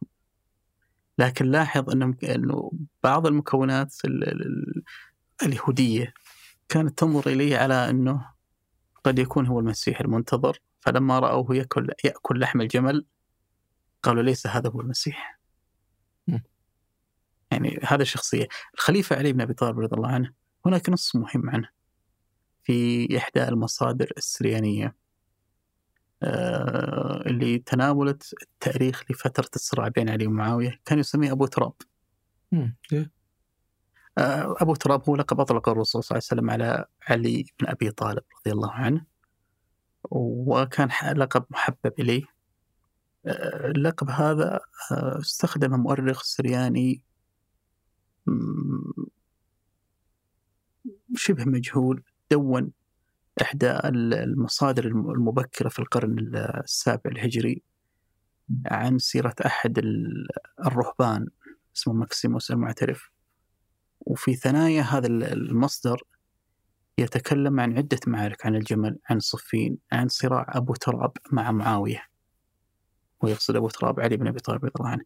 لكنه ما حاول أن يفسره في سياق لاهوتي أو في سياق آه، توراتي أو يضفي عليه آه، تفسير يتخيل مثلا المسيح أو يتخيل نبي ظهر أو يتخيل بأكبر من شخصية إنسانية أو بشرية حقيقية. طيب آه، الحين آه، يعني أغلب حديثنا كان عن بيزنطة الفرس آه،. آه، هل في أقوام ثانية كانت تذكر أو آه، تدون آه، الجزيرة العربية والعرب؟ آه، الصين، الهند، جميل الأقباط إحنا بدنا نرجع أو نستذكر خارطة العالم القديم مم. عند ظهور الإسلام أو في القرن بداية القرن السابع الميلادي جزيرة العرب تقع في القلب من هذا العالم محاطة بعدد من الكيانات السياسية اللي ذكرتها لك قبل قليل الفرس الروم مملكة الحبشة آه، في أقصى الشرق آه، أسرة تانك الصينية هذه الأمم أو هذه الكيانات أو هذه المجتمعات كانت تعيش فترة استقرار وبالتالي كان لديها حركة تدوين تدوين في التاريخ تدوين في اللاهوت تدوين في الأدب تدوين. آه، جزء من اهتمامات مؤرخي هذه الأمم عن ما يحدث في الجزيرة العربية. أنا أتكلم عن الفترة الإسلامية حتى ما قبل الإسلام. يعني لو اطلعت على مشروع أخرجته دارة الملك عبد العزيز قبل عدة سنوات اسمه الجزيرة العربية في المصادر الكلاسيكية. ستجد أن هذه المصادر دونت كثير من المعلومات المهمة والمتنوعة عن الجزيرة العربية وعن سكانها حتى في عصور ما قبل الميلاد. وأنا أقصد بذلك المصادر الكلاسيكية الإغريقية أو اليونان القدماء والرومانية أو اللاتين القدماء. كتبوا. ذات الكلام ينسحب على المصادر اللي أرخت للجزيرة العربية أرخت للإسلام تكلمت عن العرب عن المسلمين خلال هذه الفترة صينية من الشرق فارسية سريانية أرمنية يونانية اليونانية البيزنطية واليونانية العصور الوسطى ومصادر قبطية ومصادر آه لاتينية في الغرب. كل هذه المصادر تضمنت معلومات مهمة معلومات بعضها معاصر. أنا ذكرت لك قبل قليل أنه أقدم مصدر أشار إلى الإسلام وإلى الرسول صلى الله عليه وسلم كان بعد وفاته بكم سنتين. مم. لذلك هذه المصادر سبقت حتى المصادر أو التاريخية العربية في التاريخ للعرب أنفسهم أو لظهورهم. فلذلك ستجد إشارات كثيرة ومتنوعة آه، كانت مادة خصبة للاستشراق لمحاولة آه، إعادة دراسة السرد التاريخي عن العرب عن الإسلام عن الرسول صلى الله عليه وسلم. بعدة أطروحات بعضها سلبي وبعضها إيجابي. يعني مثلا وإحنا بدنا نتكلم عن مدرسة اسمها المدرسة التنقيحية ومدرسة المراجعين الجدد ظهرت في الغرب. تحديدا في بريطانيا في النصف الثاني من السبعينات الميلادية.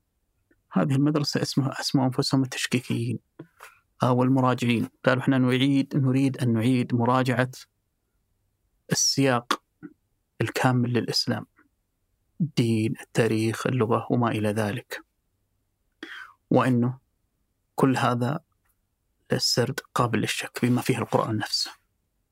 يعني أول شخصية يعتبر مؤسس لهذه المدرسة اسمه جون وانسبرو جون وانسبرو هو مستشرق أمريكي لكنه كان يدرس في جامعة لندن. أه له كتاب اسمه دراسات قرآنية. أه طرح أطروحة أنه والله النص القرآني الموجود اليوم. ما هو النص القرآني اللي نزل على محمد وأنه ليس النص القرآني الصحيح وأنه هذا النص استغرق حوالي 200 عام حتى يخرج إلى صورته النهائية وأنه مد بحالات من الحذف والإضافة والتعديل. للدراسات الأثرية المخطوطات اللي اكتشفت هي مخطوطات القرآن المبكرة مثل مخطوط جامعة صنعاء مثل المخطوط اللي اكتشف في جامعة ألمانية لا يحضرني اسمها مثل مخطوط جامعة بيمنغهام وأنا شخصيا اطلعت عليه. أثبتت أن هذه الأطروحة غير صحيحة. وأن النص القرآني هو نفس النص القرآني اللي وصلنا اليوم. كما يقول المولى عز وجل وما ينطق عنه وإنه إلا وحي يوحى. من هذه المدرسة بدأت تنطلق أو من هذا من هذا الرجل انطلقت مدرسة محاولة إعادة صياغة التاريخ الإسلامي المبكر وفق هذه المصادر المتنوعة. فخرج كتاب اسمه الهاجرية عام 77 للميلاد. كتاب الهاجرية اشترك في كتابته مؤرخين من أساتذة جامعة أكسفورد. مايكل كوك المؤرخ البريطاني والمؤرخة الدنماركية باتري تشاكرون آه، قالوا هذا الكتاب إحنا نكتبه لا نكتبه لكم كمسلمين أو كعرب، إحنا نكتبه لمجتمعاتنا الأوروبية والغربية. ونقول لهم انه تاريخ الإسلام اللي تقرؤونه القرآن، محمد، عمر، أبو بكر، كل هذه الأشخاص، كل هذه السرديات في نظرنا أنها قابلة للشك وأنها قد لا تكون صحيحة. كيف يكون ذلك؟ خلونا نقرأ تاريخ خلونا نقرأ تاريخ هذه هذا الأسلام أو هذه المنظومة من خلال ما دون عنهم في مصادر الأمم الأخرى، المصادر السريانية، المصادر اليونانية، المصادر الارمنيه، القبطية وهكذا.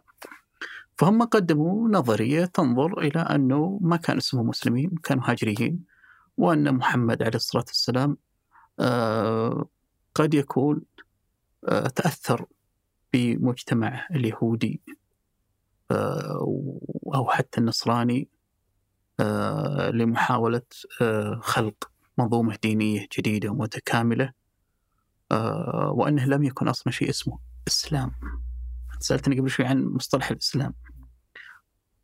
دليلهم في ذلك المصطلحات التي وردت في المصطلحات والسرديات حتى اللي وردت في كتابات مؤرخي الأمم المعاصرة سواء الأمم المغلوبة اللي خضعت لحكم العرب أو الأمم المعاصرة مثل مؤرخي آه، القارة الأوروبية أو الإمبراطورية البيزنطية.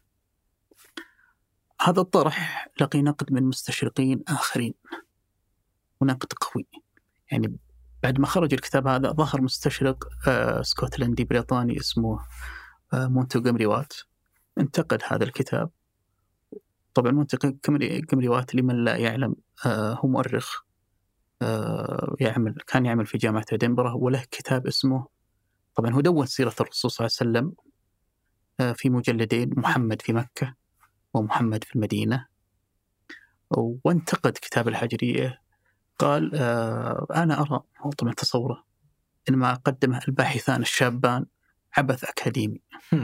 أي لأننا وفق منظورهم لابد أن ننسف العهد القديم والعهد الجديد كيف ذلك؟ طبعا كتب مراجعة نقدية في عدة صفحات كيف يكون ذلك؟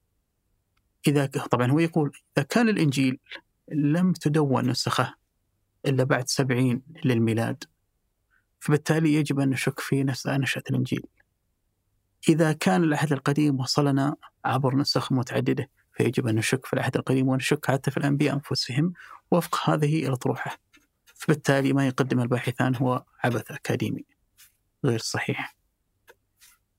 مؤرخين آخرين انتقدوا هذه الأطروحات. يعني آخر شخص يمكن آه، تكتب بتوسع وباستفاضة ومعاصر لنا اليوم آه، اسمه روبرت هايلاند روبرت هويلاند هذا تلميذ عند باتريشيا كرون درس تحت إشراف آه، هذه المصادر وأخرج كتاب. الكتاب اللي تو ترجم ونشر وبيع في مكتبة في معرض الرياض الكتاب اسمه الإسلام كما رآه الآخرون. مم. الإسلام كما رآه الآخرون. ماذا يقول هذا الرجل في الكتاب؟ يقول أنا لا أتفق مع أطروحتك يا أستاذتي. أنا عندي تصور مختلف أو موضوعي. أنه مثل ما أن المسلمين آه، لهم سردياتهم فالمغلوبين لهم سردياتهم. طبعا هو طور نقاشاته في كتابات أخرى وفي كتب أخرى وفي إنتاج آخر. يعني كتابه مثل الإسلام آه، أو الإسلام كما رآه الآخرون جمع كل أو جل ما كتب عن الإسلام وكتب عن العرب في الفترة المبكرة هذه. من المصادر الصينية من المصادر الفارسية من المصادر السريانية من المصادر الأرمنية وهكذا. وجمعها وحللها وناقشها ووثقها. وخرج في النهاية أن هذه هي وجهة نظر الشعوب الأخرى. طور هذه الدراسات إلى كتاب آخر اسمه في سبيل الله in the آه في سبيل الله in the God's path.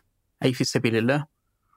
والكتاب هذا خرج عام 2015 يقول في كتابه أنا في هذا الكتاب أحاول أن أؤرخ للفتوحات العربية الإسلامية من خلال وجهة نظري الطرفين المنتصر والمغلوب.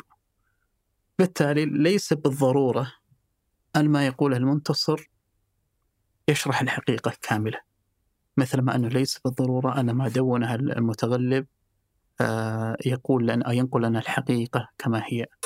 فبالتالي الصورة لا تكتمل إلا من خلال آه، أخذ وجهتي النظر. فقدم لنا آه، عمل تاريخي متكامل اعتمد فيه على مصادر إسلامية ومصادر إيش؟ مغلوبين بل إنه وصل إلى نتائج مهمة من أهم هذه النتائج أن هناك تشابه في سرديات الفتوحات نفسها.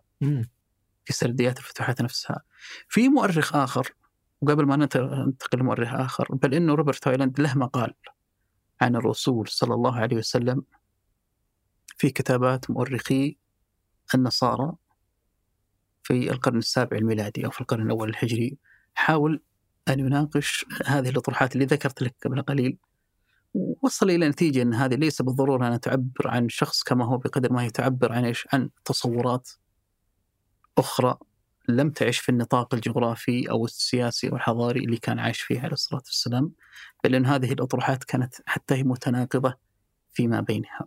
المؤرخ الآخر اللي انتقد أطروحة باتريشيا كرون هو مؤرخ بريطاني معاصر وموجود اليوم في جامعة لندن اسمه هيو كندي هيو كندي ألف كتاب في بداية الألفية اسمه فتوحات العرب الكبرى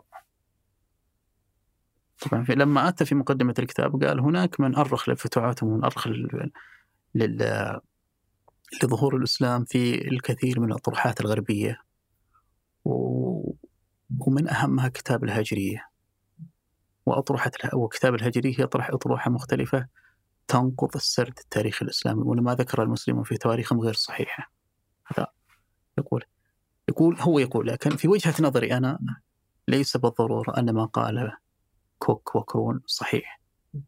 أنا أقول هذا يقوله هو عن لسانه يقول وجهة نظري أنه كثير سرديات المغلوبين وخاصة المصادر الأرمنية والسريانية تتفق مع كثير من سرديات التراث الإسلامي بما يؤكد مصداقية هذا التراث.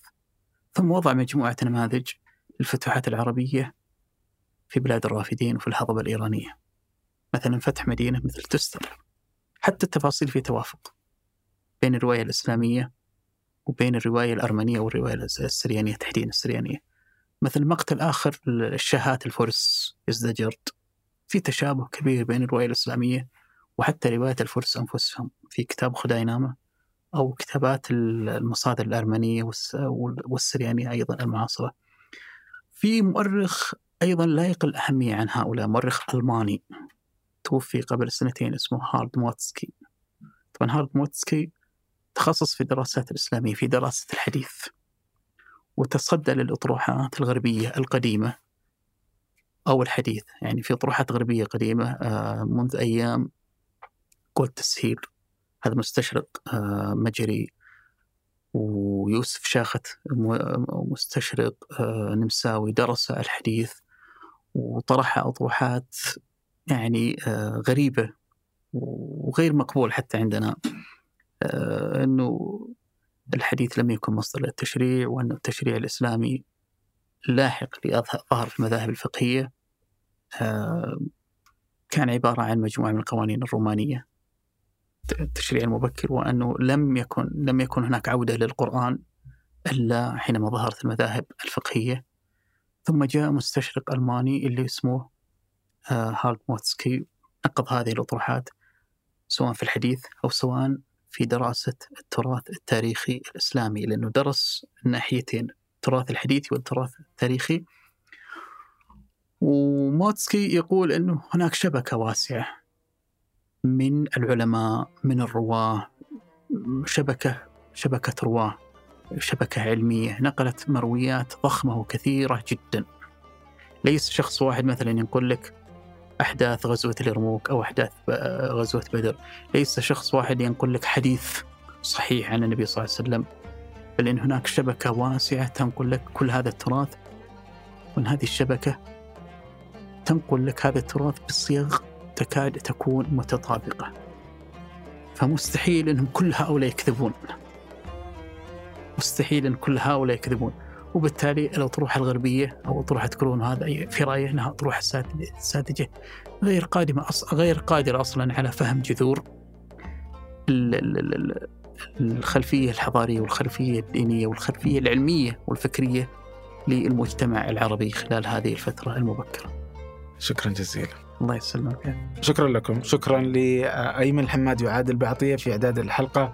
ووهاب موسى خلف الكاميرات. وفي التسجيل الصوتي عبد العزيز المزي والهندسة الصوتية محمد الحسن والتلوين عبد المجيد العطاس. وفي التحرير محمد نور شمت. وفي إدارة آه، محتوى التواصل الاجتماعي نورة السبيعي. وفي إدارة التحرير أسيل بعبد الله. هذا فنجان أحد منتجات شركة ثمانية للنشر والتوزيع. ننشر كل الإنتاج بحب من مدينة الرياض. الأسبوع المقبل. ألقاكم